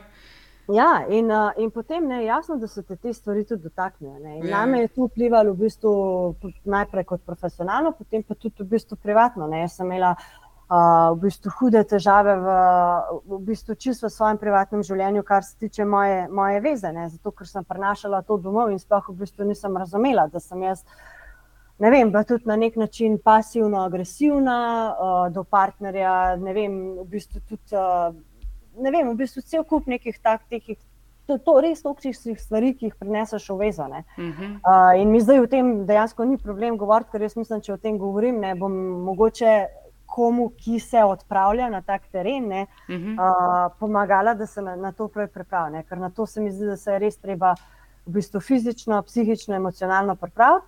No, ampak meni je ta, izkušnja takrat uh, izučila, da sem pa parkrat še izgorela, da sem našla nek ta balans med uh, vem, temi čist pritiski, ki jih imamo v bistvu med delom, ne čistim uh, vsakodnevnim stresom, uh mhm. -huh. pa potem v bistvu stresom, ki ga prinaša to specifično delo. Ja, ja. Tako da, no, še ena zanimiva stvar, kako sem se s tem soočila. Jaz sem takrat pa začela hoditi na terapijo, ne, kjer mi je terapeut tudi rekel, kje si bila ti, ne vem, tri leta prej, ne, ti bi se mogla že predhodno pripraviti na to s terapeutom in potem ja, ja. delati delo in imeti pauze. In jaz sem pa delala res tudi brez pauz in uh, brez počitnic in česar koli. No, in sem hodila, in v bistvu mi je šlo samo navzdol, pač stvari se mi niso zboljšale, sem bila v bistvu fizično totalno zgoreta, ne, potem pa tudi vem, depresija, izguba um, ne vem, te neke vizije v življenje, ne, te neke povezanosti. Ne vem, fulj sem se tudi odklopila od svojih prijateljev, mm -hmm. od svojega, ne vem. Od, od družine, recimo, sem stike z družino popolnoma presekala. Ne? In zdaj, ko gledam nazaj, vidim, da so bile te, ker zdaj sem v bistvu to uspela zadnjih par let nazaj vzpostaviti in uh, razumem, ne, da je bila to pač posledica tega. Uh, stvar, ki mi je pa pomagala, ne, takrat je, pa, je bilo pa zanimivo, da sem v enem momentu, takrat sem v bistvu živela v Bosni in sem še vedno delala to delo. Ne, in sem ugotovila, da kar mi je v bistvu moje. Gledala, pač gledala sem nekako tako od zunaj to moje privatno življenje ne, in sem, se, in sem videla to katastrofo, ne, ki se je rekla, da okay, pač stvari moram presekati in narediti nekaj radikalnega. In takrat sem v bistvu od enega prijatelja dobila za ston plesni studio. Uh -huh. uh, in sem hodila, tja, ker, nisem, ker sem imela hude nespečnosti. Ko nisem mogla spati, ne, ob dveh ponoči sem šla v ta studio in sem začela plesati, ne, uh -huh. pa sem spet pri gibu. In sem celo noč plesala in sem šla vem, ob 4-5 nazaj domov, ne, itak nisem mogla spati, potem sem čez dan delala, pa sem provala spet začeti spati, nisem mogla spati in sem začela res dan za dnem hoditi. No, in potem takrat, 2015, je bila ena taka posledica ne, teh mojih samoterapij, v bistvu predstava, ki sem jo naredila konzervirano, uh mhm. -huh. ki je govorila res o tem, ne, o izgoretju in o tem, kako delati s temi zgodbami, in o tem, kako me je v bistvu to uničilo psihično, emocionalno, fizično, kako sem bila mhm. nepravljena.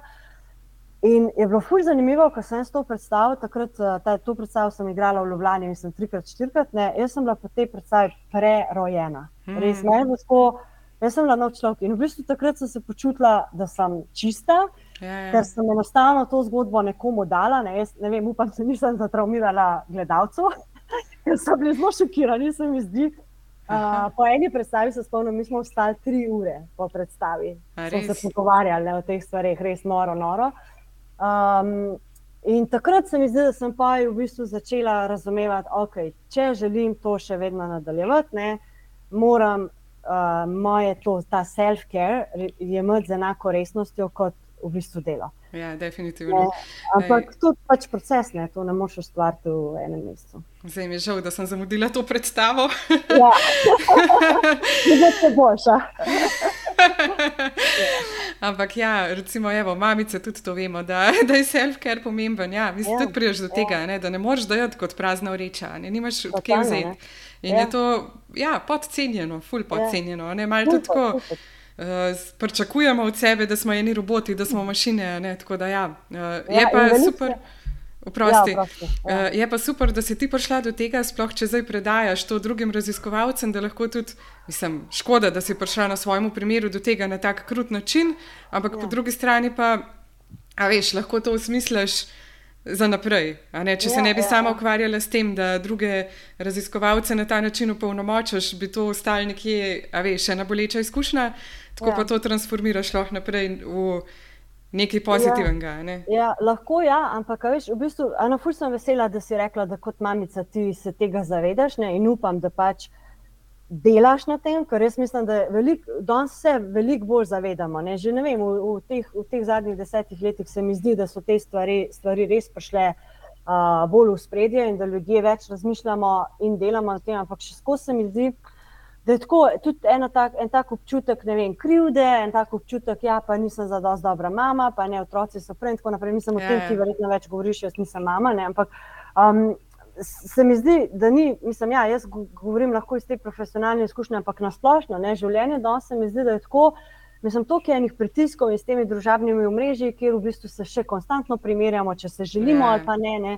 In se v bistvu še bolj, se mi zdi, sprašujemo o tem, a, a delamo za dost. In ta hiperproduktivnost, to, to pandemijo, se mi zdi, da je prišla še toliko bolj do izraza, ne, da moraš biti hiperproduktiven, da moraš biti v bistvu na vseh področjih konstantno aktiven in dejaven, ne, in da se tudi v bistvu ful podcenjuje vem, ta, uh, samo ta moment tega, tega da si ne, tega ja, bivanja. To ja. je recimo res ena stvar, ki jo jaz zdaj res prakticiram in se res poskušam odvaditi te uh, hiperproduktivnosti. In veš, kaj je zelo zanimivo, ne, da sem ugotovila zdaj v tem zadnjem letu, ko se res, ko se res aktivno. Uh, V bistvu prav res tako zavestno odločam, ne manj delati in več uh, posvečati pač pripravam, tudi na terenu, in tako naprej. Uh, da sem v bistvu popolnoma enako ali pa še bolj produktivna, kot sem bila prej. Uh mhm. -huh. Ker je res, kot si rekla, s to prazno vrečo, v bistvu ne vem, zakaj ne verjamemo temu. Ne? Ker toliko ljudi je šlo skozi to izkušnjo, toliko ljudi je že dokazalo, da če bomo, če bomo vzeli čas zase, če bomo ne vem.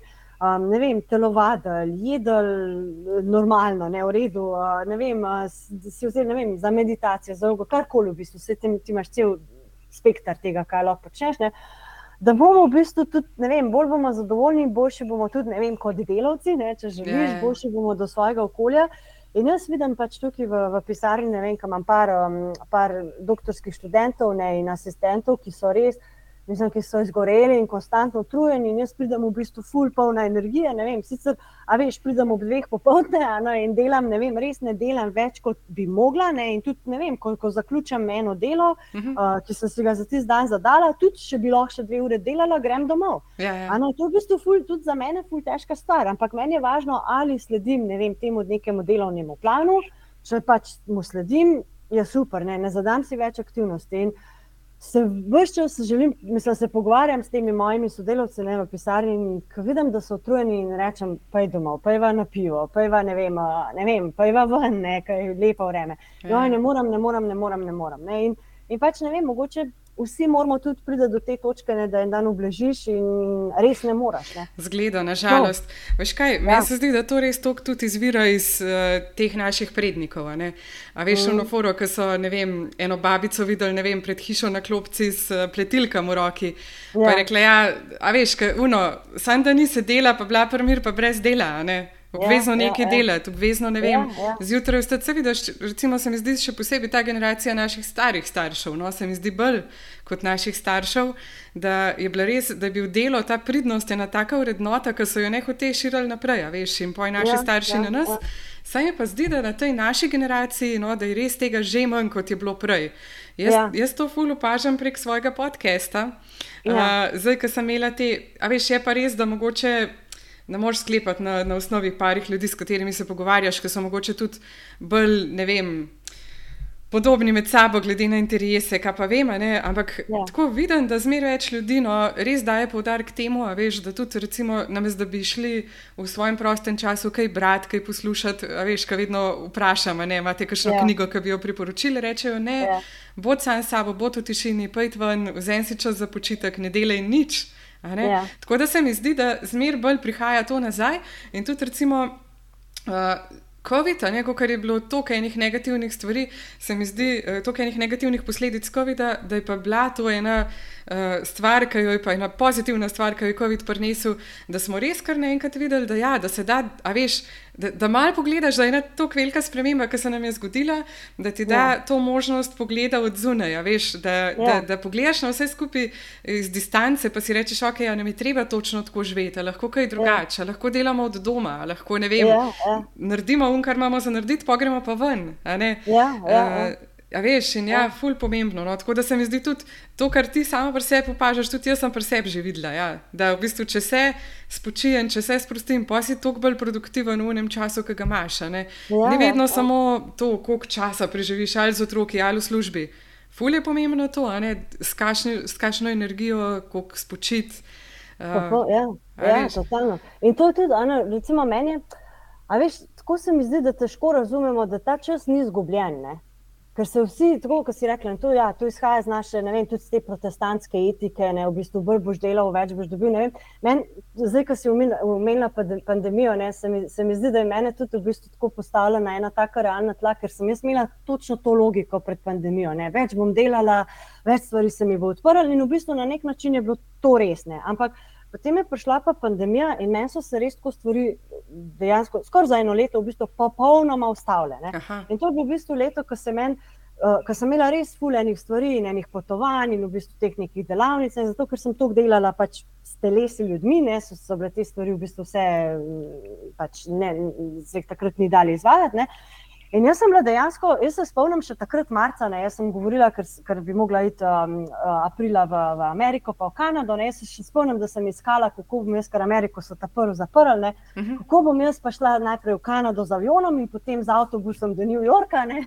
In kako bom pa tam, mislim, a veš, t- t- ne, ampak. Ja, in- ja, in ja. pol res, kako jaz, v bistvu zdaj tudi, ko gledam za nazaj, ne, mislim, jaz tako, do, do junija sem toliko zanikala, ne, kaj se je dogajalo. in Kar, ja, sej, ja, bom pa šla že julija, ne, bom pa šla avgusta. In Sem že kar, kar planirala in še kar gledala letalske karte, in ker jo vse septembra bomo pa že šli. Ne. Ja, In ja. meni se mi, se mi zdi, da pa je. po koncu poletja ne, sem pa res tako, ok, življenje se je spremenilo, ne vse se in pač priznaj si, ne, ni več tako. In takrat sem res tudi v enem momentu čutila, da je kakšna katastrofa, ne, vse sem ne vem, toliko časa gradila in končno so se mi stvari odprle in zdaj je šlo kar vse k vragu. Ne, in jasno, da to ful težko spremeniti, ampak me pa tudi v bistvu mi je dal vedeti, je kole življenje. Ne? Mislim, da se je jutri ga ni in v bistvu to, ne, da živeti zdaj, verjetno veliko ljudi je spremenil ta pogled, me, pogled meni definitivno. Ja. Mislim, ker delamo zmeri ful preveč ne? in če ga hočeš in če si radoveden človek in če rad delaš. Še vedno imel ogromno stvari. Ja. Ampak jaz zdaj res po tej pandemiji se mi zdi, da sem, sem rada tako v bistvu selektivna ne? in da mi je to vem, preživljanje v bistvu uh, Uh, res biti pač prideti domov in sedeti na kavču. In, vem, uh, mi dva res ogromno vem, poslušava glasbo ne, in se, v bistvu samo sediva, se pogovarjava. Vem, vsak dan praktično hodiva dve uri, ne greva na sprehod po mestu. Aha. In mi je to, da mislim, nobeno delo mi ne bo tega vzelo. Razumeš, to je ja. v koledarju in takrat ja, sem jaz ja, ja. zasedena.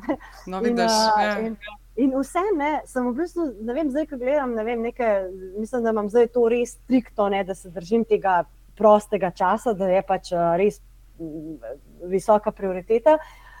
In sem si rekla, da okay, pol leta bom probala na tak način, in pa bo videla, če ne bom, ne vem, shajala z urnikom in tako naprej, še vedno grem nazaj. In v bistvu vse sem dokončala, vse imam po, po roku narejen, ne, še vedno potujem toliko, kot hočem, še vedno imam to preletel, toliko, kot hočem. Je, in je v bistvu meni fascinantno razumeti, pa kako ne. Prej sem pa vse čas delala, pa kako mi zdaj to znese. Ne. Ja, in, uh, to bi res, ne vem, rada, da bi bolj razumeli. Ne, ker, um, ne vem, v bistvu vse je konec koncev ta naša konstrukcija, ne, kako si sami verjetno življenje zastavimo. Ne.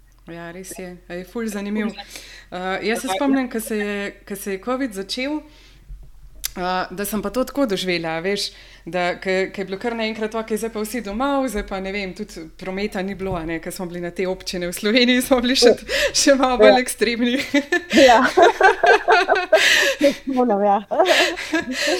ampak jaz vem, ok, se je to z občinami šlo res čez, čez, čez majo, no, ampak na začetku sem le prav eno olajšanje čutila v resnici v tem smislu, a veš, o, a se končno lahko stavimo, a lahko končno zadihamo, kam je bilo ja. to, kar veš, se mi zdi, če zdaj gledam nazaj. Ne, včasih smo vsi delali v pisarnah, ne vem, od jutra do vem, petih popovdne, itaka. Ne, uh, si prišel dan, domov je bila že tema. Ne, ja. um, in se mi zdi, da, da smo prvi rabalun presekati, pa pogledati malo izdaljave, pa si na novo postaviti ene temelje, tako kot si sama rekla. No, in ja, pa kar vidiš, kaj vse se da. Ne, ker ja, sej ja, ljudje ja. nismo roboti, ne, pa so spet tam, mislim. Tako. Ja, ja, ja.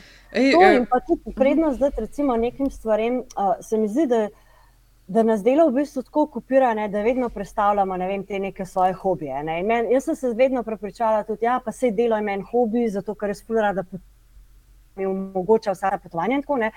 In ja, do določene mere je to res, ne? ampak mislim, to je še skozi delo na koncu. Mislim, jaz grem zdaj drug mesec v Libanon, ker se super veselim obiskati to državo, ampak to bo še vedno delo. Ne? In jaz bom še skozi pod stresom, še vedno bom tam.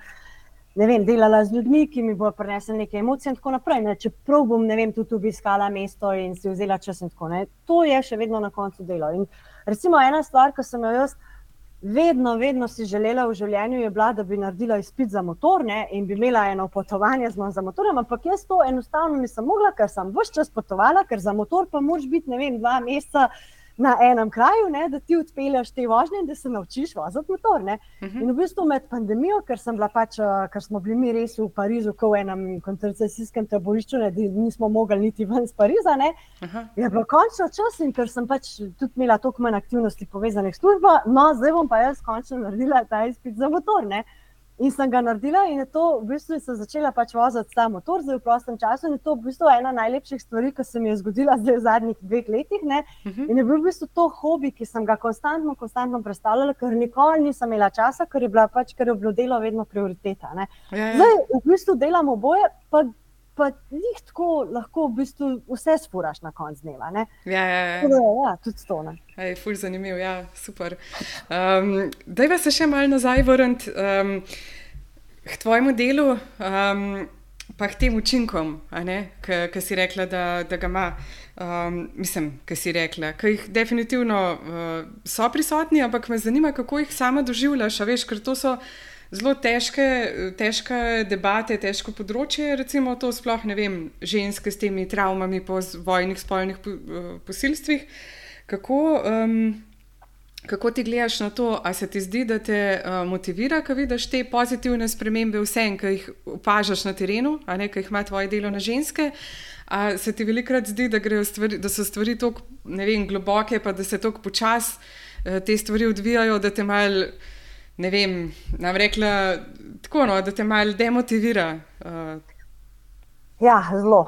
V bistvu to je ena stvar, ki tudi jo večkrat javno rečem, ker jo nikoli nisem hotela reči se mi zdi, da v bistvu tako ne. Jaz sem lani že obljubila mojemu možu, da bom zaključila s humanitarnim delom in nasplošno s tem vojn, z, vo, z delom povezanim z vojno. Ne, ker, mislim, na to, kar sem rekla, te strategije, kako si pomagati in self-care in tako naprej, mislim, to si lahko pomagaš. Ampak vsem vseeno, mislim, to, to delo te ful zaznamuje. Mene, mene je ful zaznamovalo, v bistvu osebno, uh, profesionalno itak. In tudi, ne vem, se mi zdi, da sem zdaj prišla do ene točke, ko, mislim, ko, ko čutim, da je to res delo, ki me vleče, ne, da je to res moja strast. In tudi, ne vem, se mi zdi, da, da na nek način zdaj znam in imam neke kompetence za upravljanje tega dela. Ampak hkrati pa je res ta res črna, črna stran. Uh, v bistvu, vse čas gledati to neko mizerijo. Ne? In potem, mislim, jaz sem tudi blazno privilegirana, jaz vedno živim v nekih lepih mestih in okoljih. Mislim, jaz živim v Parizu, ki je čudovito mesto, ne? zdaj sem v Barceloni, ki je čudovito mesto. Se pravi, vse čas živim v tem nekem. Uh, ne vem, bom rekla, privilegiranem v bistvu kontekstu, ne, kjer lahko živim eno normalno, lagodno življenje v miru, ne vem, kjer živim v enem uh, zdravem partnerskem odnosu, ne, da ni vem, nasilja in tako naprej. In potem konstantno vidim to v bistvu popolnoma obratno sliko. Ne. V bistvu ljudi, ki nimajo niti za jesti, ljudi, ki ne vem. Morajo res jesti riž vsak dan, ker je to pač edina humanitarna pomoč, ki jo dobijo. Um, pa potem jasno vse te nasilje, ne, ki, ki ga pač slišim od žensk, s katerimi govorim. Um, tako da ne morem reči, da Veš, mislim, nikoli ni tako, da jaz grem domov, pa potem to odklopim. Mislim, jaz ful probam in ful imam nekih tehnik, zato ker verjamem, da tako na dolgi rok pač lahko to upravljam in da je pomembno. In tudi zato, ker v bistvu jaz nekako res poskušam ne prenašati tega domov, ne seveda prenašam, pa tudi mislim, veliko se. Veliko o tem mi dva govoriva, ne, ker se mi zdi, da je to tudi nek način, kako jaz pač uh, pustim te stvari za sabo. Um, Je pa dejstvo, da mislim, bom iskrena, da pa zdaj res že dalj časa iščem ne, pač neke alternative, kako bi se odmaknila, ampak res v bistvu odmaknila popolnoma. Ne, ker mhm. Jaz sem, jaz sem si lani rekla, da ne bom več delala humanitarnega dela, ker med pandemijo sem ogromno, ogromno delala in v Kaleju, na severu Francije, in pa potem na obrobih Pariza. Ne. Mhm. In, uh, in je bilo parkrat res tako, da, bila, da me res me pač uničili, da se res popolnoma izčrpaš in ne moreš več. In tudi v bistvu. A na meni je bilo težko, recimo, vsakič, ko sem se vrnila iz Kaleja v Pariz, potem ne vem, iti v Parizu v gledališče zvečer, ker nisem mogla nehati razmišljati veš, o teh ljudeh, ki so, gor, ki so še vedno gor v istem stanju, ki so vem, mokri, gor je bilo minus 9 mm. stopinj, mm -hmm. ne vem, jaz sem bila lahko v svojem plašču, ne pač ne mogoče je bilo za me pustiti to. Ne. In potem sem bila tudi v eni točki, ko sem začela v bistvu full hoditi, zaradi tega, da sem vem, ta svoj to svojo krivdo tlača, ne, kar je pa v bistvu, mislim, ni, ni, ni dolgoročno, pa tudi ni, ne vem, jaz mislim, da to ni namen, ne, da, da, da ti se zdaj v bistvu predaš do te točke, da svoje življenje v bistvu čist zanemaraš. Ne.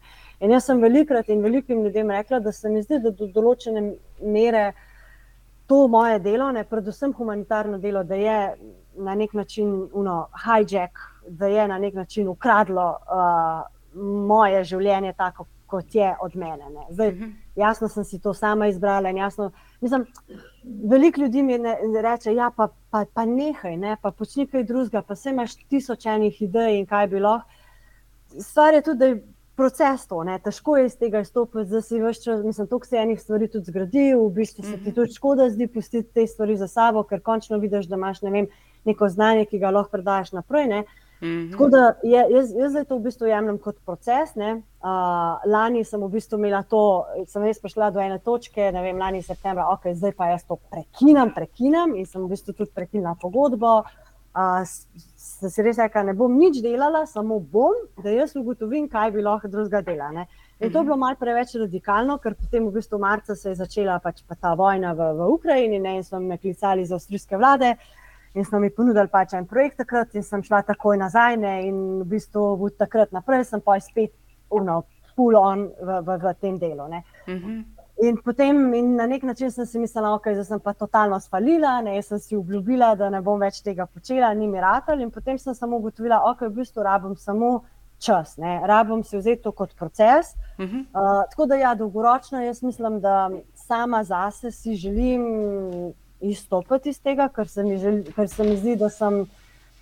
Ja, da me je v bistvu fulž zaznamovali in da sem naredila nek ta svoj del, in da na nek način rabim zdaj par let, da v bistvu pridem tudi do ene sprave nazaj. Razumeš, do, yeah. do Ja. tega, da v bistvu vzljubim življenje, ne? ker to je meni v bistvu fulž težka naloga. Ne, ne glede na to, da, da se mi zdi, da imam zelo lepo življenje in da ga lahko živim precej svobodno ne? in precej po svoji izbiri, hkrati me tudi v bistvu zelo zelo morine. Ja, In ja. imamo v bistvu zelo, zelo manj težave v bistvu in z depresijo, in z voljo do življenja, in tako naprej, večinoma, večinoma od, uh, kot posledica dela. Ne. In, um, in tle se mi zdi, da v bistvu nobena druga stvar, va- valjda imam svoje strategije, kako si pomagam, ampak res mislim, da nobena druga stvar mi ne pomaga boljš, ne, kot to, da iz tega dejansko res izstopamo v eni točki. Ne.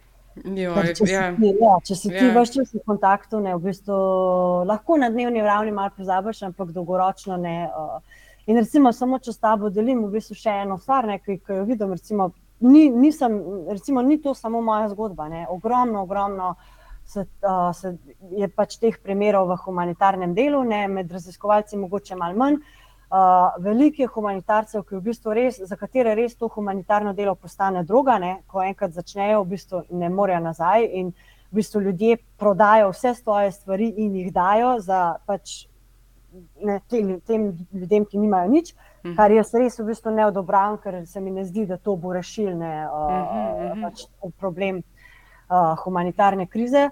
Uh, In recimo, ogromen, ogromen ljudi je, je odvisnikov ne, v humanitarnem delu. In recimo, to je ena stvar, o kateri želim tudi zdaj več pisati, ker se mi zdi, da je to v bistvu neka stvar, o kateri se ne govori. Mhm. Uh, se pa dogaja, ne, da ljudje v bistvu, jaz sem videla recimo v Kaleju, ne, uh, ker smo pač tudi živeli v skupnem prostoru, uh, uh, vsi, ki smo delali pač, uh, za to organizacijo. Uh, ogromno, ogromno ljudi jemlje pomirjevala, antidepresive droge, zato ker dejansko v enem momentu ne moreš, uh, ne Mhm. moreš v bistvu živeti tega, ne, kar vidiš. Ker je res, res je preveč. Ne. In to, to je dejstvo, ne, da, da, za- da nihče, ne glede na to, koliko si profesionalen in koliko si v bistvu uh, natreniran, ne, te stvari se te dotaknejo. Ne. Ja, seveda. Ej, jaz, že, ko se je začela vojna v Ukrajini, uh, sem bila na porodniški. Uh, bila je Pika takrat stara, mislim, da par mesecev. No. In ti povem, da jaz uh, sem imela slab občutek, uh, kako se bomo mi tukaj fajn, ker nekdo tako trpi na uni strani.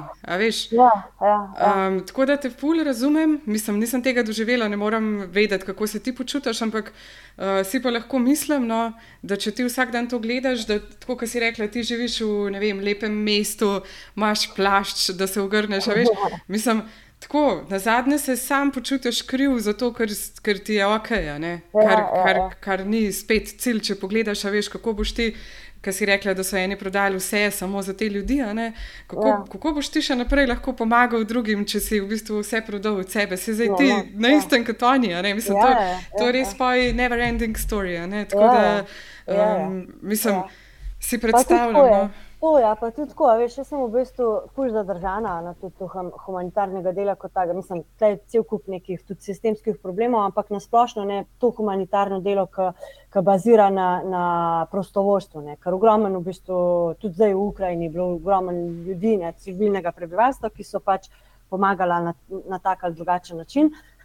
Um, in veliko, ne, predvsem se mi zdi, sploh te mladi, res študenti, ne, ki so prišli vem, med poletjem, ki so svoje počitnice podarili, bom rekla, ne, temu na mestu, da so šli vem, na Ibico in tako naprej, ne, kar jaz v bistvu ful cenim. Ampak hkrati jaz pač res verjamem, da ta, ta direktna humanitarna pomoč, vem, ko ti ljudem daš dejansko res, ne vem, pestriža, škorne in tako naprej. Mislim, je zelo, zelo pomembna, ne, ker ljudje, ko so mokri in premraženi, rabijo tisto spalno vrečo in šotor. Ne.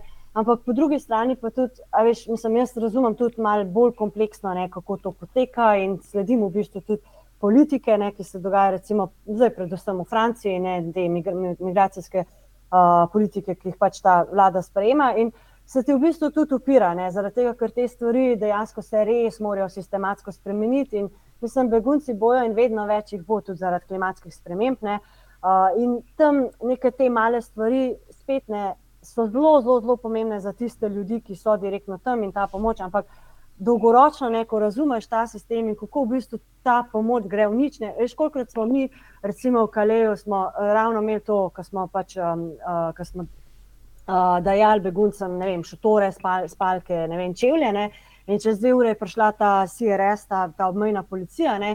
in so dejansko z mačetami presekali šotore, jih, uh, jih zakurali, uh, ne vem, pregnali begunce. Ne? Mislim, oh. ne veš, mi smo pa čez dve ure že spet šli, spet še z novimi šotori in še z novimi. Ne? In, mislim, vidi, in to se v bistvu konstantno dogaja. In, je, mislim, ta, ta stvar je tako kompleksna. Vse pravim, ta res direktna pomoč je ful pomembna, ampak mhm. hkrati, uh -huh. če mi vse damo, ne mi, ki smo privilegirani, ki imamo, mi ne bomo rešili, če se pač te politike ne bodo spremenile. Ne. Uh mhm. -huh. In tukaj je pa recimo tudi še, pa še ena druga frustracija, ne, da jaz vem, da jaz lahko humanitarno interveniram, ko pride pa do sprememb politik, ne, pa mislim, jaz se v bistvu na nek način ne želim uklapljati v to, ker razumem pač kontekst in ta kontekst mi ne odgovarja. Ne. Verjamem pa, da edino na tem nivoju, ne, če se te stvari spremenijo, potem mi lahko. Uh, vem, tudi bo, ta, bo te humanitarne intervencije na nek način pač olajšale te, te krize ne, in to bolečino teh ljudi, ampak uh, dokler se tam ne spremeni, se v bistvu tudi počutiš tudi neumno. Ne, in tudi yeah. Ja. dejansko res mislim, kaj, kaj se jaz le grem, prebereš, kaj so sprejeli ne, na nivoju Ni, ni na mečkem, sem te izgubila, malo te je prekinilo, a češ samo ja. vprosti. Ja. Ja, ja. Nimaš te motivacije, veš to, kar si rekla. Na kar ti greš s full motivacije, ne vem, da boš naredil nekaj človeškega. Ne, ne, ne bom rekla, da boš spremenil svet, ker ga v bistvu res ne, ali pa minimalno ne. Ja. Ampak da boš naredil v bistvu nekaj kot človek, človeku, ker lahko, ne, ker imaš mhm. te možnosti. Uh, ampak res v bistvu motivacija, pa bom rekla, ne vem, nagrade, če želiš. Mislim, tega nekega feedbacka, ne, da, bi to, da bi te motivirali, je pa toliko mal, uh mhm. -huh. da dolgoročno ti zmanjka ne, te uh mhm. -huh. energije. Dolgoročno se res, v bistvu se jaz se pač filam na neke druge načine, ne, da potem to motivacijo imam, ampak. Uh, Ja, dolgoročno ne vem, je tako začaran, koliko se res v enem. Zato tudi pravim, ne, da jaz mislim, da sem se res tako zdaj izčrpala do te točke, da se mi zdi, da moram zdaj tudi malo svoje življenje nazaj dobiti, ne kot ja, tako. Ja, in najti neko drugo stvar. Ne. Ja, ja, ja. Joj, ej, jaz sem čisto, če sploh ne vem, mislim tako. Če si mi je dal ene nove perspektive, to, kar zdaj govoriš, uh, ful sem vesela, no, da se pogovarjava te stvari, ker uh, se mi zdi, da da je res, da, da ne samo za me, tudi za marsikoga druga, da bo res tako uh, odprl en nov pogled na svet, pa na, na vse skupaj. No. Da, um, ja. V bistvu, kar si rekla na začetku, ne, to je svet, do katerega v bistvu večina ljudi nima dostopa. Uh -huh. uh, Vse pa tudi sprašujem, ne, enkrat je en študent ful dobro rekel, ker um, so bili so razdalj, on je prišel pač z Nemčije, ne, 19 let star, popolnoma nepripravljen na to, kaj bo doživel. Uh, uh, ful v bistvu, mislim, vidiš to, ne, jaz želim pač nekaj dati, ker imam to možnost uh, in tako naprej. Uh mhm. -huh. In vi ste s to vero, ne, da bo pomagal vem, spremeniti svet. In ker jaz sem to, se mi zdi, predvsej izgubila, ne, ker vidim, kako se stvari spremenjajo počasi. Um, in po enem mesecu, ne, nikoli ne bom pozabila tega, oni so šli pač takrat iz Kaleja v Pariz na eno to distribucijo. Ne, in Pariz je res, mislim, Pariz je res zelo, zelo, zelo nasilno mesto. Ne, in tudi, tudi uh, begunci živijo v res, v, res mislim, v peklu. Tam, mislim, tam je zelo za, za humanitarce v bistvu zelo nevarno razdeljevati pomoč. No, in so prišli in je prišel nazaj, mislim, njemu se je njegov obraz je bil spremenjen. Mislim, on njega, jaz, ga, ko so prišli nazaj v to hišo, kjer smo bili, jaz njega nisem prepoznala po obrazu. Res nisem njegov obraz, je bil nekaj se je zgodil. Ne. In, in ni sploh hotel povedati.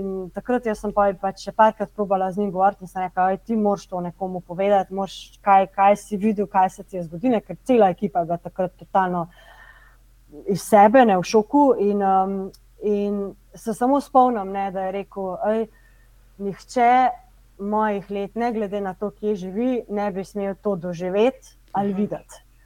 In mene, takrat, mene se je takrat res tako dotaknilo, da sem v bistvu, ko me ljudje, ne, tudi moji prijatelji, me doskrat vprašajo, jaz bi pa tudi, ne vem, volontiral, pa kaj zdaj, pom, zdaj sem recimo fulklicalne z Ukrajinci, kje lahko pomagamo, kaj lahko. Uh mhm. -huh. In jaz tako dosti jim rečem, rajšne. Uh -huh. Rajšne, zato ker ne vem, ker res, mislim, bi rada rekla, da ja, pa moramo pomagati ljudem. ljudem. Sam sem tudi zdaj, ne vem, da, ne vem, tudi sama sebe veliko sprašujem, ali če ne bi v to slučajno zapadla, ne, ali bi se še enkrat odločila za ta ja, življenje. To sem te tudi jaz hotela vprašati. Ja, to, to mi je bilo na misli. Ali pa recimo, da bi ti imela, dobro, se vem, da nimaš otrok, ampak če bi imela hčerko, bi rekla, uh, lej, ne vem. Ja. Pa je to pot vprašanje. Ja, ja. Ker... Mislim, zanimivo je tudi ja. to, ne, to, kar si rekla od otrok. Jaz mislim, da je ena zelo velika stvar, zakaj jaz ne želim imeti otroke tone, kar Aha. sem videla in kar sem doživela. Ker te stvari so, mislim, spet ne, te stvari so se me tako dotaknile, da ne vem, v bistvu, ne vem, če imam moč, da bi bila lahko za dosti iskrena s svojimi otroci. A veš, jim reči, jim reč, ne vem, stvari kot svet je full lep, ne, življenje je naključovita izkušnja, ki je. -huh. in, ano, ampak, ko vidiš te stvari, imaš vse čas to senco zadaj. In, uh -huh.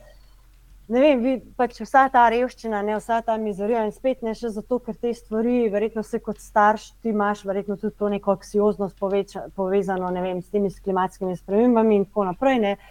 In uh, pa, pač moje razumevanje, recimo, da zdaj ogromno beguncev imamo tudi zaradi tega, ne, in da na, na nekaterih delih sveta dejansko življenje že ni več možno. Uh mhm. -huh. In tako, kot si rekla, ne, jaz v bistvu se mi zdi, da, da bi preveč te bolečine.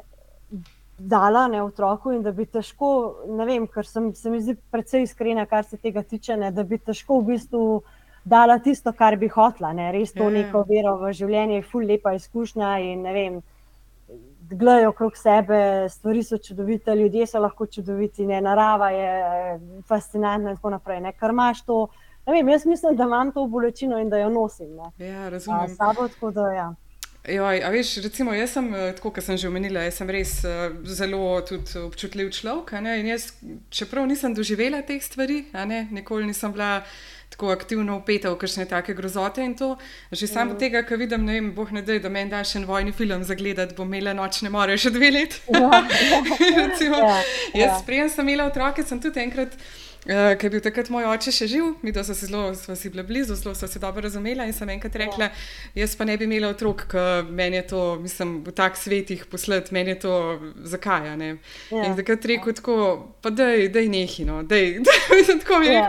Nič konkreten ga mi rekel, ampak tako je rekel, pa da je nehino, kaj s tabo, da je, a veš, da je. Ja, ja, ja, ja, ni svet sam grd, ni sam krut, ja, ja, da je ja. videti tu nelepe stvari. In ja, prav tako moraš se, se mi zdi, zavestno, ne, ne vem, biti imun na neko to grozoto, ki se v svetu dogaja, in biti naiven, čeprav je to, a veš, mislim tako. Ja, če ja. si čist nalijemo čistega vina, je to tako naivno in je tako ja, pač nerealno. Ne, ampak pač se mi zdi, da da, ja, da če hočeš iti naprej, če hočeš, vem, da se širi človeška ja, vrsta, kako koli, ja, da ja. moraš si reči, da je eh, odmisel, odmisel to, odmisel on, odmisel tretji. Ja, ja. Jaz, recimo, velikrat uh, tudi, tudi to sem te hotela vprašati, no pa mi je fulj zanimivo, ker smo se zdaj že tako dotaknili.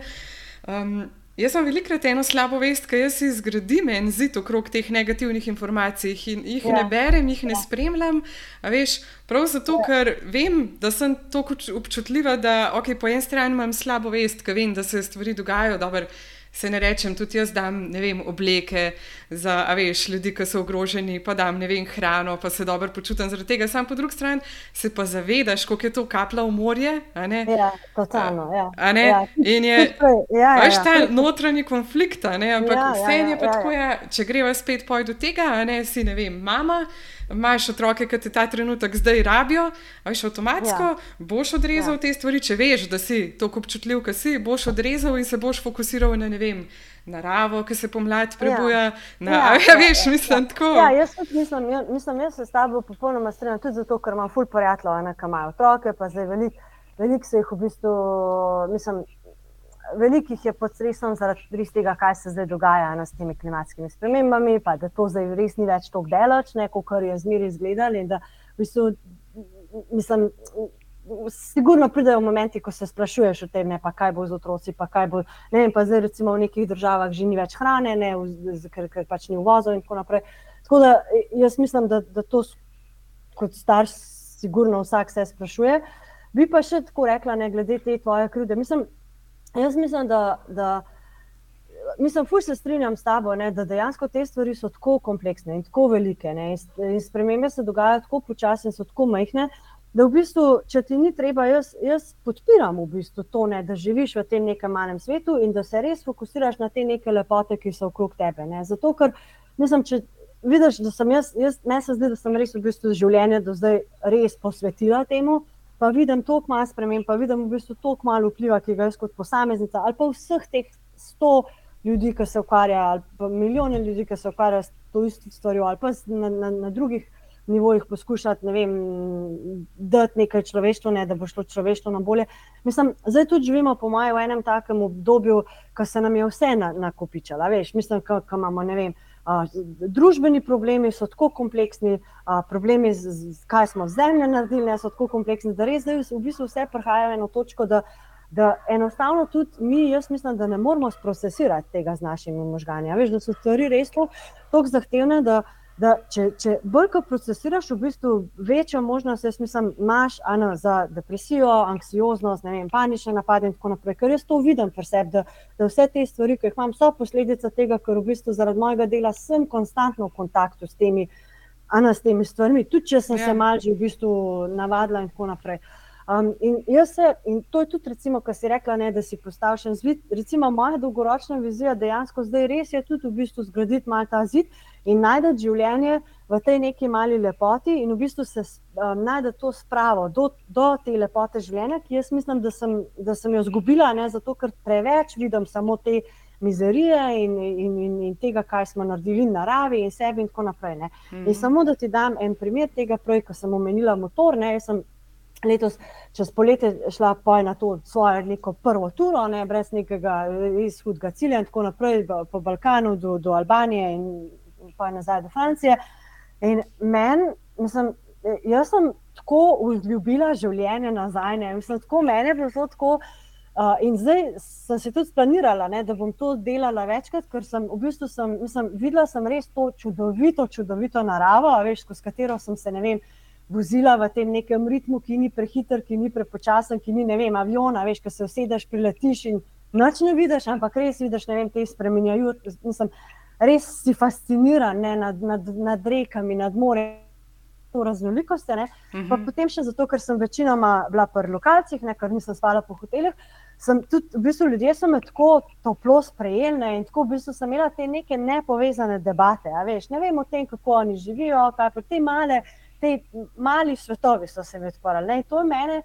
To je meni res preneslo toliko uh, sreče, res dejansko sreče, uh -huh. da, sem, da sem v bistvu si res rekla, da ja, jaz moram se odmakniti od tega ne, in poiskati to, to kar si rekla, to svoje malo življenje, ne, uh -huh. si zgraditi ta zid. In tudi prej, ko sem ti rekla, mislim, meni je zdaj. Um, največ, največ mi je pomemben v, v, vsakodnevnem življenju je to, da vem, greva mi dva na sprehod za dve uri po mestu in gledava vem, te čudovite stavbe in, in veš, opazujemo ljudi. Skratka, res ta mali life, ne, uh mhm. -huh. kjer ti pač pozabiš na te kompleksne stvari, kar res. V bistvu jaz res mislim, da mi nimamo um, da, mislim, da so te spremembe tako majhne, ne, da ti ne prenesejo nazaj toliko zadovoljstva, ki bi ga rabu, uh -huh. da bi v tem ustrajal. Tako da jaz iz tega, ne vem, jaz mislim, da, da se lahko sama sebi zahvališ, da na nek način nisi nikoli vstopila v, v ta svet, ne te mizerije in da si si zgradila ta, ta zid, ker konec koncev jaz mislim, da. Da vem, jaz mislim, da naši možgani ali pa čustva ali pa naša, ne vem, mentalno mi kot ljudje težko procesiramo uh, Uh, a veš probleme, ki jih imamo na tem globalnem nivoju. Uh -huh, uh -huh. Eni, enkrat sem brala, zakaj se mi danes, uh, zakaj nam je tako vse kaj se dogaja vem, uh, z, z naravo, z, uh, s temi vem, klimatskimi spremembami in tako naprej. Ker v bistvu mi kot ljudje, naši možgani in mi kot uh, pripadniki neke skupnosti, mi v bistvu ne zmoremo funkcionirati v skupnostih večjih od 70 ljudi. Mhm. Ne, in zato, recimo, mi si zgradimo neko malo skupnost, in zato včasih, ko so živeli v plemenih, ne, oni so v bistvu vzpostavili neke svoje te sisteme in so funkcionirali, so vem, reševali težave na tem svojem nivoju. Ne. Danes pa v bistvu mi, ko, ko nas neka država doleti, se vidiš, ne se zgodi vojna v Ukrajini in mi nimamo, ne vem, plina v Španiji. Ne. Uh -huh, uh -huh. Mi, a veš, danes ne moramo mi več misliti samo na to malo Barcelono, kako mi preživimo, ker se nas problem v Ukrajini dotakne direktno ne, naše kvalitete bivanja. Yeah. Ja. In se mi zdi, da mi to vemo, ampak enostavno jaz mislim, da mi biološko, fizično nismo sposobni procesirati problemov, ki so tako kompleksni na taki veliki ravni. Yeah. Ja. Tako da iz tega vidika jaz tudi mislim, da. Da danes za neko srečo, za neko to, um, ne vem, za nek tak optimizem, pozitivizem, je res, res v bistvu živeti v tem nekem svojem kokonu, če želiš, ne, to, je, eh, to res je edina rešitev. Ne. In jaz se mi ne zdi, da bi se mogla vem, počutiti krivo ali kar koli, ker jaz v bistvu tudi temu zdaj te težim. Mm -hmm. Ja, res zanimivo. Se mi zdi, da, da si ti dobila toliko te eh, negativne izkušnje z ljudmi, pa v tem, kako so ljudje grozni, da, zdaj, da se ta zadeva uravnoteži, rabiš spet doživeti to človeško. Um, dobrosrčnost, ki definitivno totalno, tudi obstaja. Totalno, totalno. Um, jaz, recimo, sem tega veliko doživela med potovanji, sploh v Turčiji, ja. se spet navežem. No, res tam sem res veliko tega doživela, veš, da so mi ljudje pomagali čisto samo zato, ker so mi lahko na vsakem koraku. Ja, In ja. sem bila čisto um, presenečena nad tem, v bistvu, koliko ljudje premoremo ene te dobrote, topline. In oh, se mi zdi, da ti to daješ ven, da tudi dobivaš. Mislim, pa ja. je to lahko lahko je to samo prijazen pozdrav, lahko je to samo en dober namen, ki se ga začuti z nečem, kar ustvarjaš, karkoli. In um, se mi zdi, da ja. Mislim, kar je ful pomembno, to kar, to, kar si počela, ali pa to, kar še vedno počneš, um, ker je res, mislim, meni se zdi to, ne vem, sploh nimam besed, no, tako res nekaj, kar res uh, cenim, a veš. Um, je po drugi strani verjamem, da, da si samo človek in da rabaš tudi uravnotežiti uh, ta svoj življenje. S, S tem, da ja. si dovoliš, da si dovoliš tudi sama sebi, pa veš, ustaviti kljub ja. temu, kar si do zdaj dosegla, kljub temu, kar si do zdaj dala, pa, ne, ja, dobila, ja, ja. da si dovoliš, če ne drugega, neko pauzo narediti. Ne, pa reči, da ja, ja. rabim zdaj to pauzo, pa bom poj videla, na kakšen način lahko vse to znanje, ki ga imam, eh, širim spet naprej v svet na ta način, da bo mene polnili in ljudi v kroka. Ja, ja, totalno. totalno. Da, ja. Mislim, zato sem ti pa dala primer tega motorja, ker je v bistvu čisto ena taka, ne vem, spontanka, ne, ampak pa sem ugotovila, je to, da si uporabljala dobro besedo, ne dobrosrčnost. Res sem rabila to dobrosrčnost. In zdaj sem jo dobila, ker sem bila jaz neobremenjena, ker tudi ljudje niso vedeli, s čim se ukvarjamo. Razumeš, jaz nisem razlagala njim teh stvari. Uh, oni so bili čist popolnoma, ok, to imamo, to ti lahko damo. Ne? Mislim, da je bilo res. Um, ja, mogoče res rabim samo več tega v življenju, ne? ker se mi pa tudi uh, po, po eni strani, mislim, kot sem ti rekla, jaz, jaz imam v bistvu strast do tega mojega dela in vidim tudi. Uh, ne vem, tudi se mi zdi, da na nek način vse je vredno in vem, na, na dolgi rok ne se tudi v bistvu neke pravice, ki jih imamo danes, evo, kot so govorili prej, ki jih imam danes kot ženska. Ne, Jih mhm. imamo v bistvu zato, ker se je nekdo fajčal za te pravice. Yeah. Ne? Ja. Ker je nekdo pač bil tudi v enih takih okoljih, kjer nis, ne vem, uh, so se ne vem, te, te neke mikroagresije in tako dogajale. Ne? Ampak po drugi strani pa ja, jaz mislim, da tudi vem, imamo eno življenje ne, in uh, zdaj toliko in toliko življenja sem v to dala. Se mi zdi, da rabim, ja, da rabim, ker je v bistvu življenje lahko ful lepo. Ne? In tudi moje življenje mi ponuja ful lepih stvari, ki jih jaz. A naprej sem ti umenila, recimo, vem, Pariz, čudovito mesto, obožujem živeti tam ne? in uh mhm. -huh. ne vidiš toliko te lepote, zato ker imaš vse čas v zadnji to, to, to, to, to, to slabo, mislim, to, to, to, to zgodbo. Kaj, kaj, ja, kje pa zdaj te ljudje živijo, kaj, kako preživijo. Ne, recimo, tle bi rada vem, naredila vsaj neko tako. Neko mejo, razumeš, da vse lahko zavestam, ne vem, ok, sem pa vse, kakšno srečo imam ne, v življenju, da, da sem jaz lahko nekdo, ki lahko ponudi pomoč, ne konc koncev. Ja, definitivno. Ej, Nina, ta najmenj pogovor, vse je to, kar je zavil v zanimive smeri.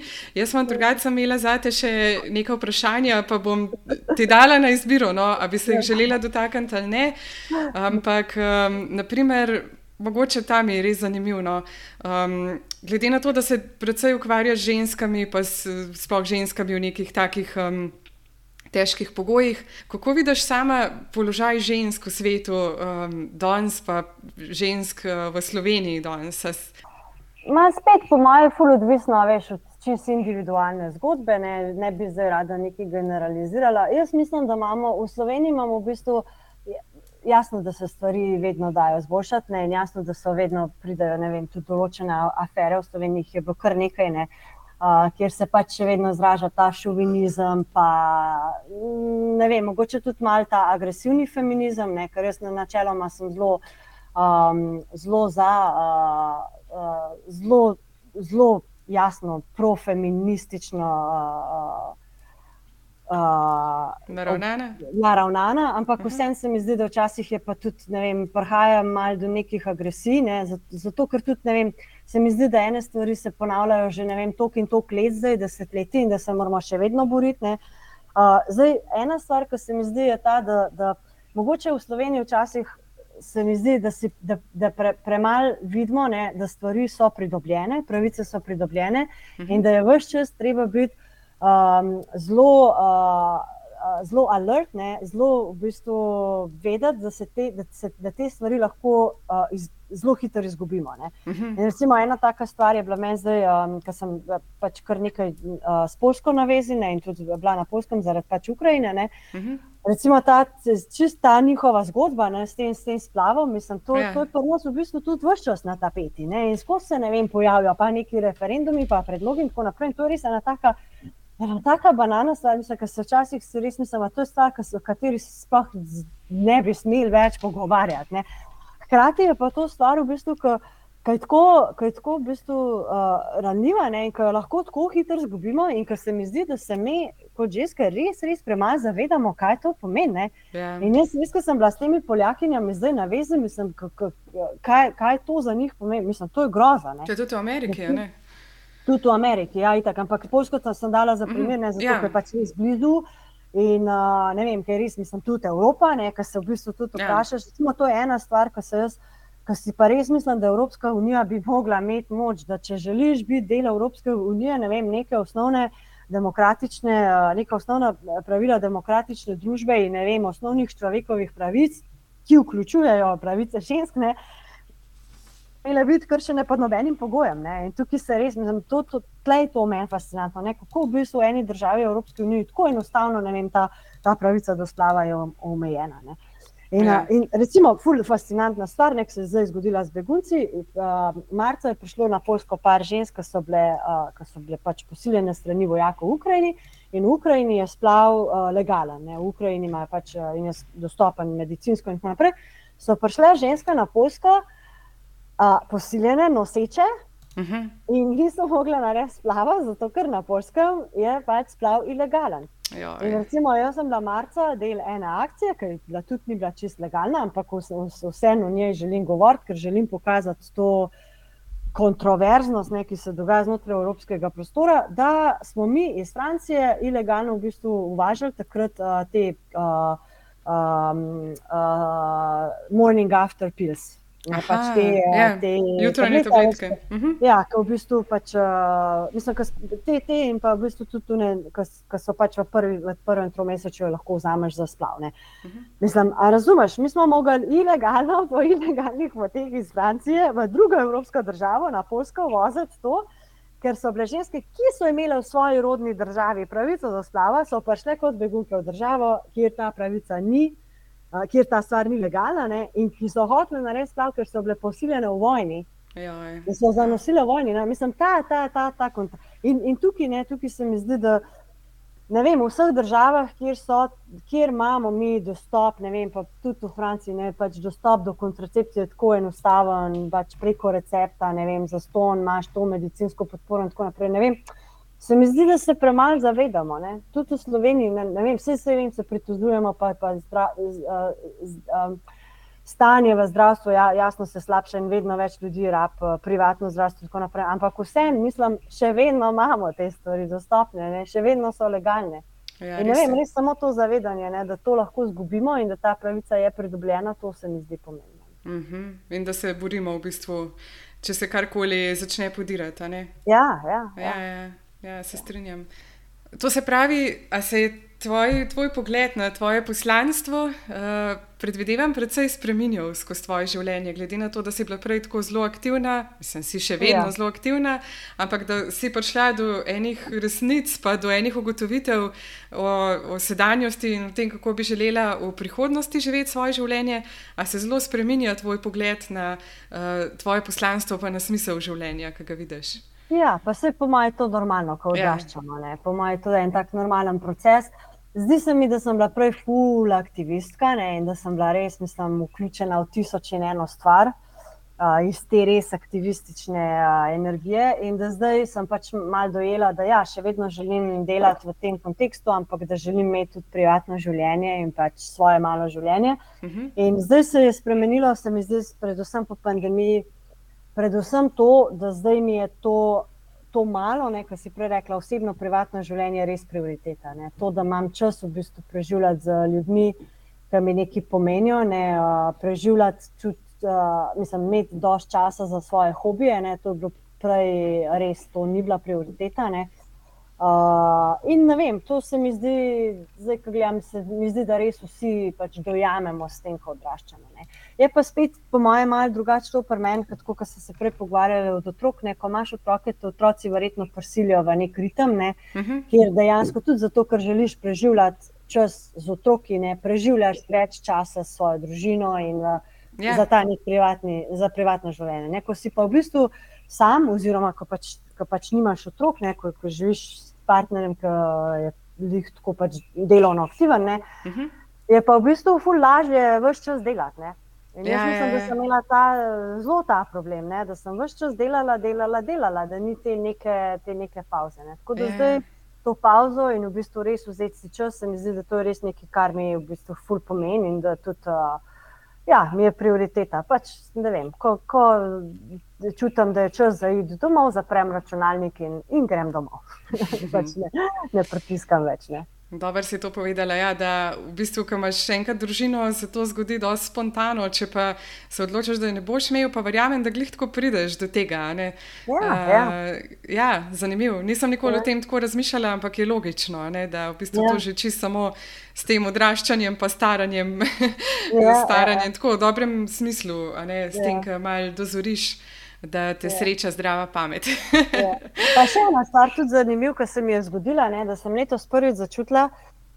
Uh, ko sem se pač v uh, jeseni, ne, sem, se pre, sem se preselila v Barcelono in jasno, poj spet ne iščeš stanovanje, upremljaš stanovanje. Pa, mislim, to je spet celoten proces. In je bilo prvič, ko sem v bistvu, uh, ko, prvič v življenju, ko sem začutila, no, zdaj pa jaz res hočem dom. Ne. Mhm. Zdaj pa jaz res hočem iti nazaj v Pariz, kjer sem si ustvarila dom, ne, zdaj pa jaz nočem, ker sem imela zdaj tudi opcije po Barceloni, če kam drugam. In je bilo zelo težko reči ne, ne, ker vsakič, ko greš, je to neka nova izkušnja. Izmeri je, vse super, ne, tudi v Barceloni se mi zdi, da imam super, uh, super novo izkušnjo, ampak imam pa res to, mislim, ne bom nič rekla, ne, ampak. Ker se mi zdi, da tudi iz nomadskega življenja je tudi ten proces prideti v eno tako uh mhm. -huh. neko se, neko se želiš ustaliti. Uh mhm. -huh. Ampak eh, se mi zdi, da je bilo prvič no, letos, ko eh, s to preselitvijo jeseni, ko sem si pa res rekla. No, Zdaj pa res še tale Barcelona, potem pa, potem pa nazaj domov in potem tam ostati in tam živeti in delati, ne pa mogoče ta potovanja, ne pa to, to terensko delo, zaradi katerega itak potujem, ampak imeti pa en dom, ne, ne imeti dom uh, vsake dve leti nekje druge. Ne. Kar je bilo pač, kar je bil moj primer zadnjih deset let. Ne. V katerih državah vse si pa živela? Uh, Nemčija, Danska, Romunija, Bosna. Uh, Francija, Španija, uh, Združene države. Okay. ne okay. vse. Ja, me je pa zanimivo, no, to, kar si omenila glede doma. Se mi zdi, da, uh, ja, da, da so ene stvari, ki jih tako, evo, oboje, kar so se zdaj pogovarjali, da z leti, ko se človek stara, ko dozoreva, ko dobiva mal drug pogled na svet, da se začnejo malo neke želje, pa prioritete ja, v drugo ja. smer, in ne moreš verjeti, koliko smo si v bistvu v svoji osnovi ljudje podobni. Čeprav lahko ja. živimo fully različne lifestyle. Ja.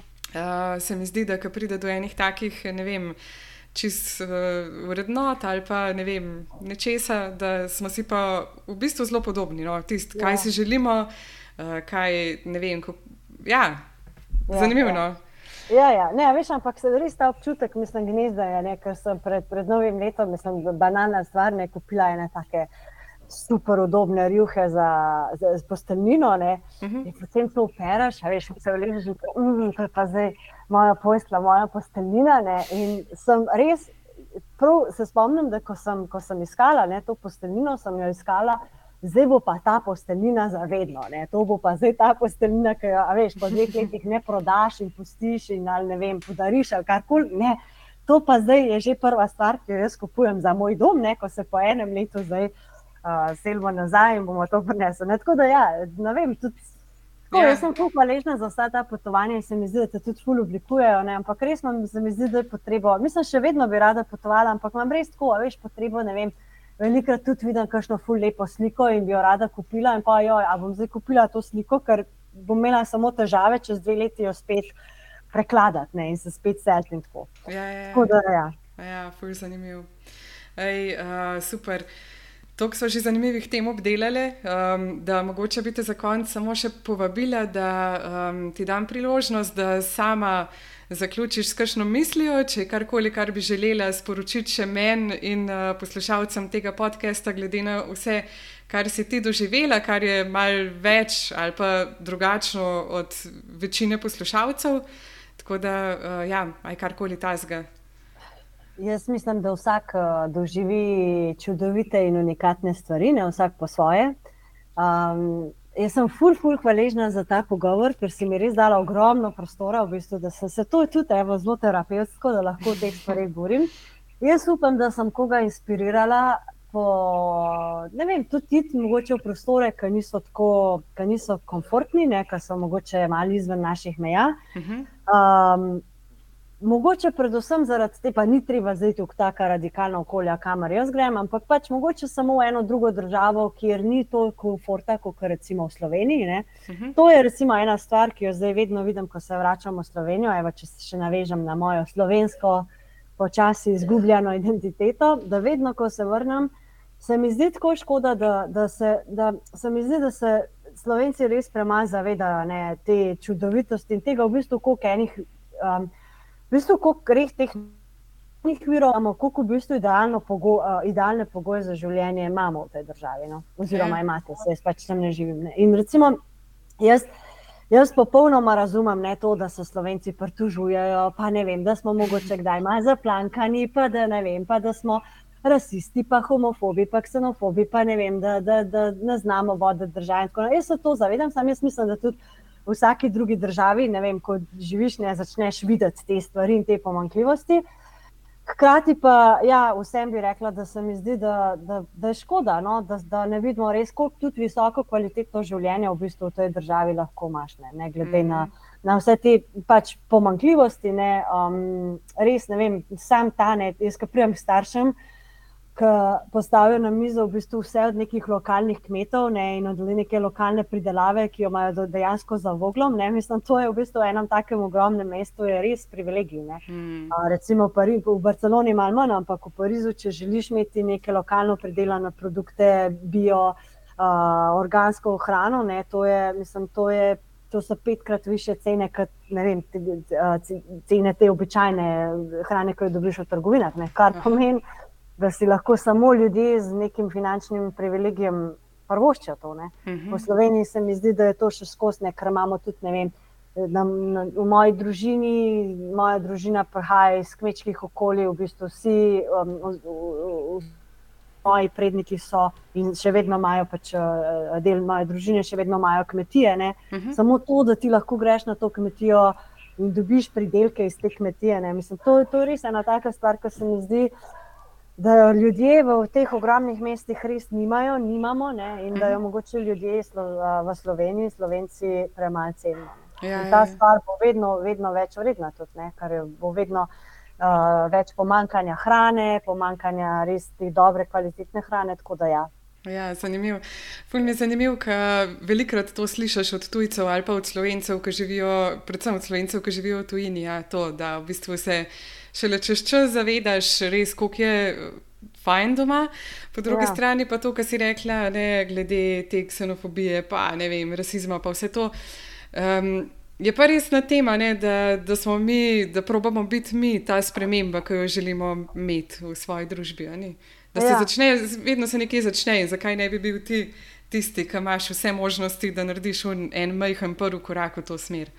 Sigurno, sigurno. Ja. Pa tudi vse, vse stvari se v bistvu spremenjajo. Se jaz tudi, eh, v bistvu se mi zdi, da vedno več tujcev tudi prihaja v Slovenijo. Ne, da ljudje v bistvu, ker jaz mislim, da te stvari, ne rasizem, pa to se na nek način tudi odnos ljudi se spremenja, v bistvu, ko so v kontaktu z drugimi ljudmi. Ne. Zdaj v Sloveniji, vem, če, če pogledam mojega očeta, ki je v bistvu konstantno v enem zaprtem malem okolju, ne, mhm. mislim, on če ne more. Za njega so že francozi v bistvu eksotični. Ne? On, če v bistvu ne pride v stik z ljudmi iz drugih kultur, jasno ne more biti odprt in, uh, in toleranten in razumeti, in v bistvu, ne razumeti tega kulturnega relativizma na splošno. Tako da uh, Jaz tukaj, tukaj pa imam upanje, da tudi te stvari se bodo spremenile in tudi ja. digitalizacijo, dostopno znanje in tako naprej. Tako da ja. Ja, veš, kaj je zanimivo, zdaj so se glih dotaknili teh tematik. Uh, glih v teh dneh no, sem uh, mal bolj spremljala. Um, neke pogovore na temo uh, sprejemanja istospolno usmerjenih, pa ne vem, uh, transspolnih oseb. Uh mhm. -huh. In uh, je zanimivo, kako se zdaj menda te mlajše generacije, ki za nami prihajajo, že čist drugače na to gledajo. So pa je čist odprti že do. Uh, ja. tega, ja, ja. No. Tako da to je pa ja. tako, evo, da zaključimo malo z eno tako pozitivno tono. Ne, sej, ja. Ja, ja. Res je, da, da se mi zdi no, tako da, da na svetu obstajajo in grozote in lepe stvari, in da ja. um, je res na tem, no, da ne zdaj, da, da te vse slabe stvari ignoriramo ali pa da se čisto zatiskamo oči pred njimi, ampak je pa verjetno res.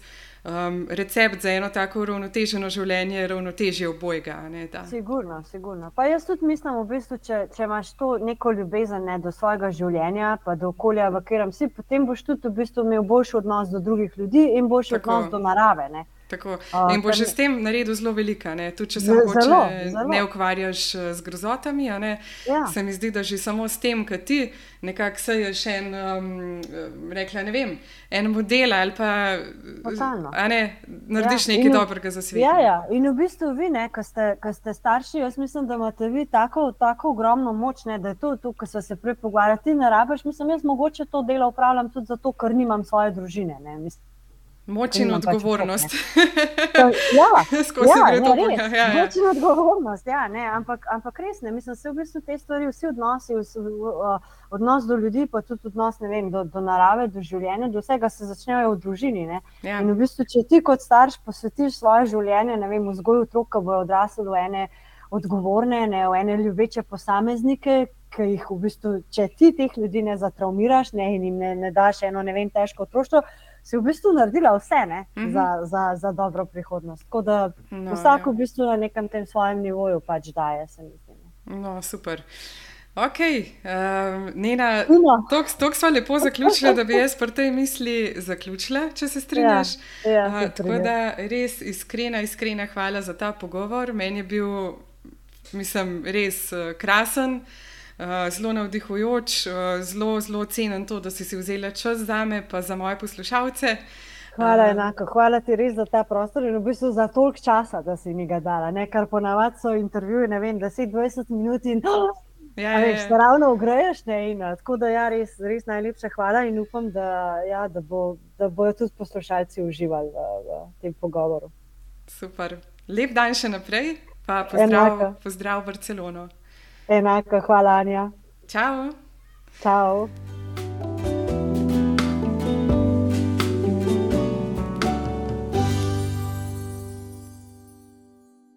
najlepša hvala, ker si vstal oziroma ostala z nami z Nino do konca te daljše epizode. To je bila najdaljša epizoda do zdaj. Namenoma sem pa želela njeni pustiti ta prostor in čas, da pove določene stvari, ki jih navadni smrtniki, če tako rečem, ne vemo o delu mladih raziskovalcev.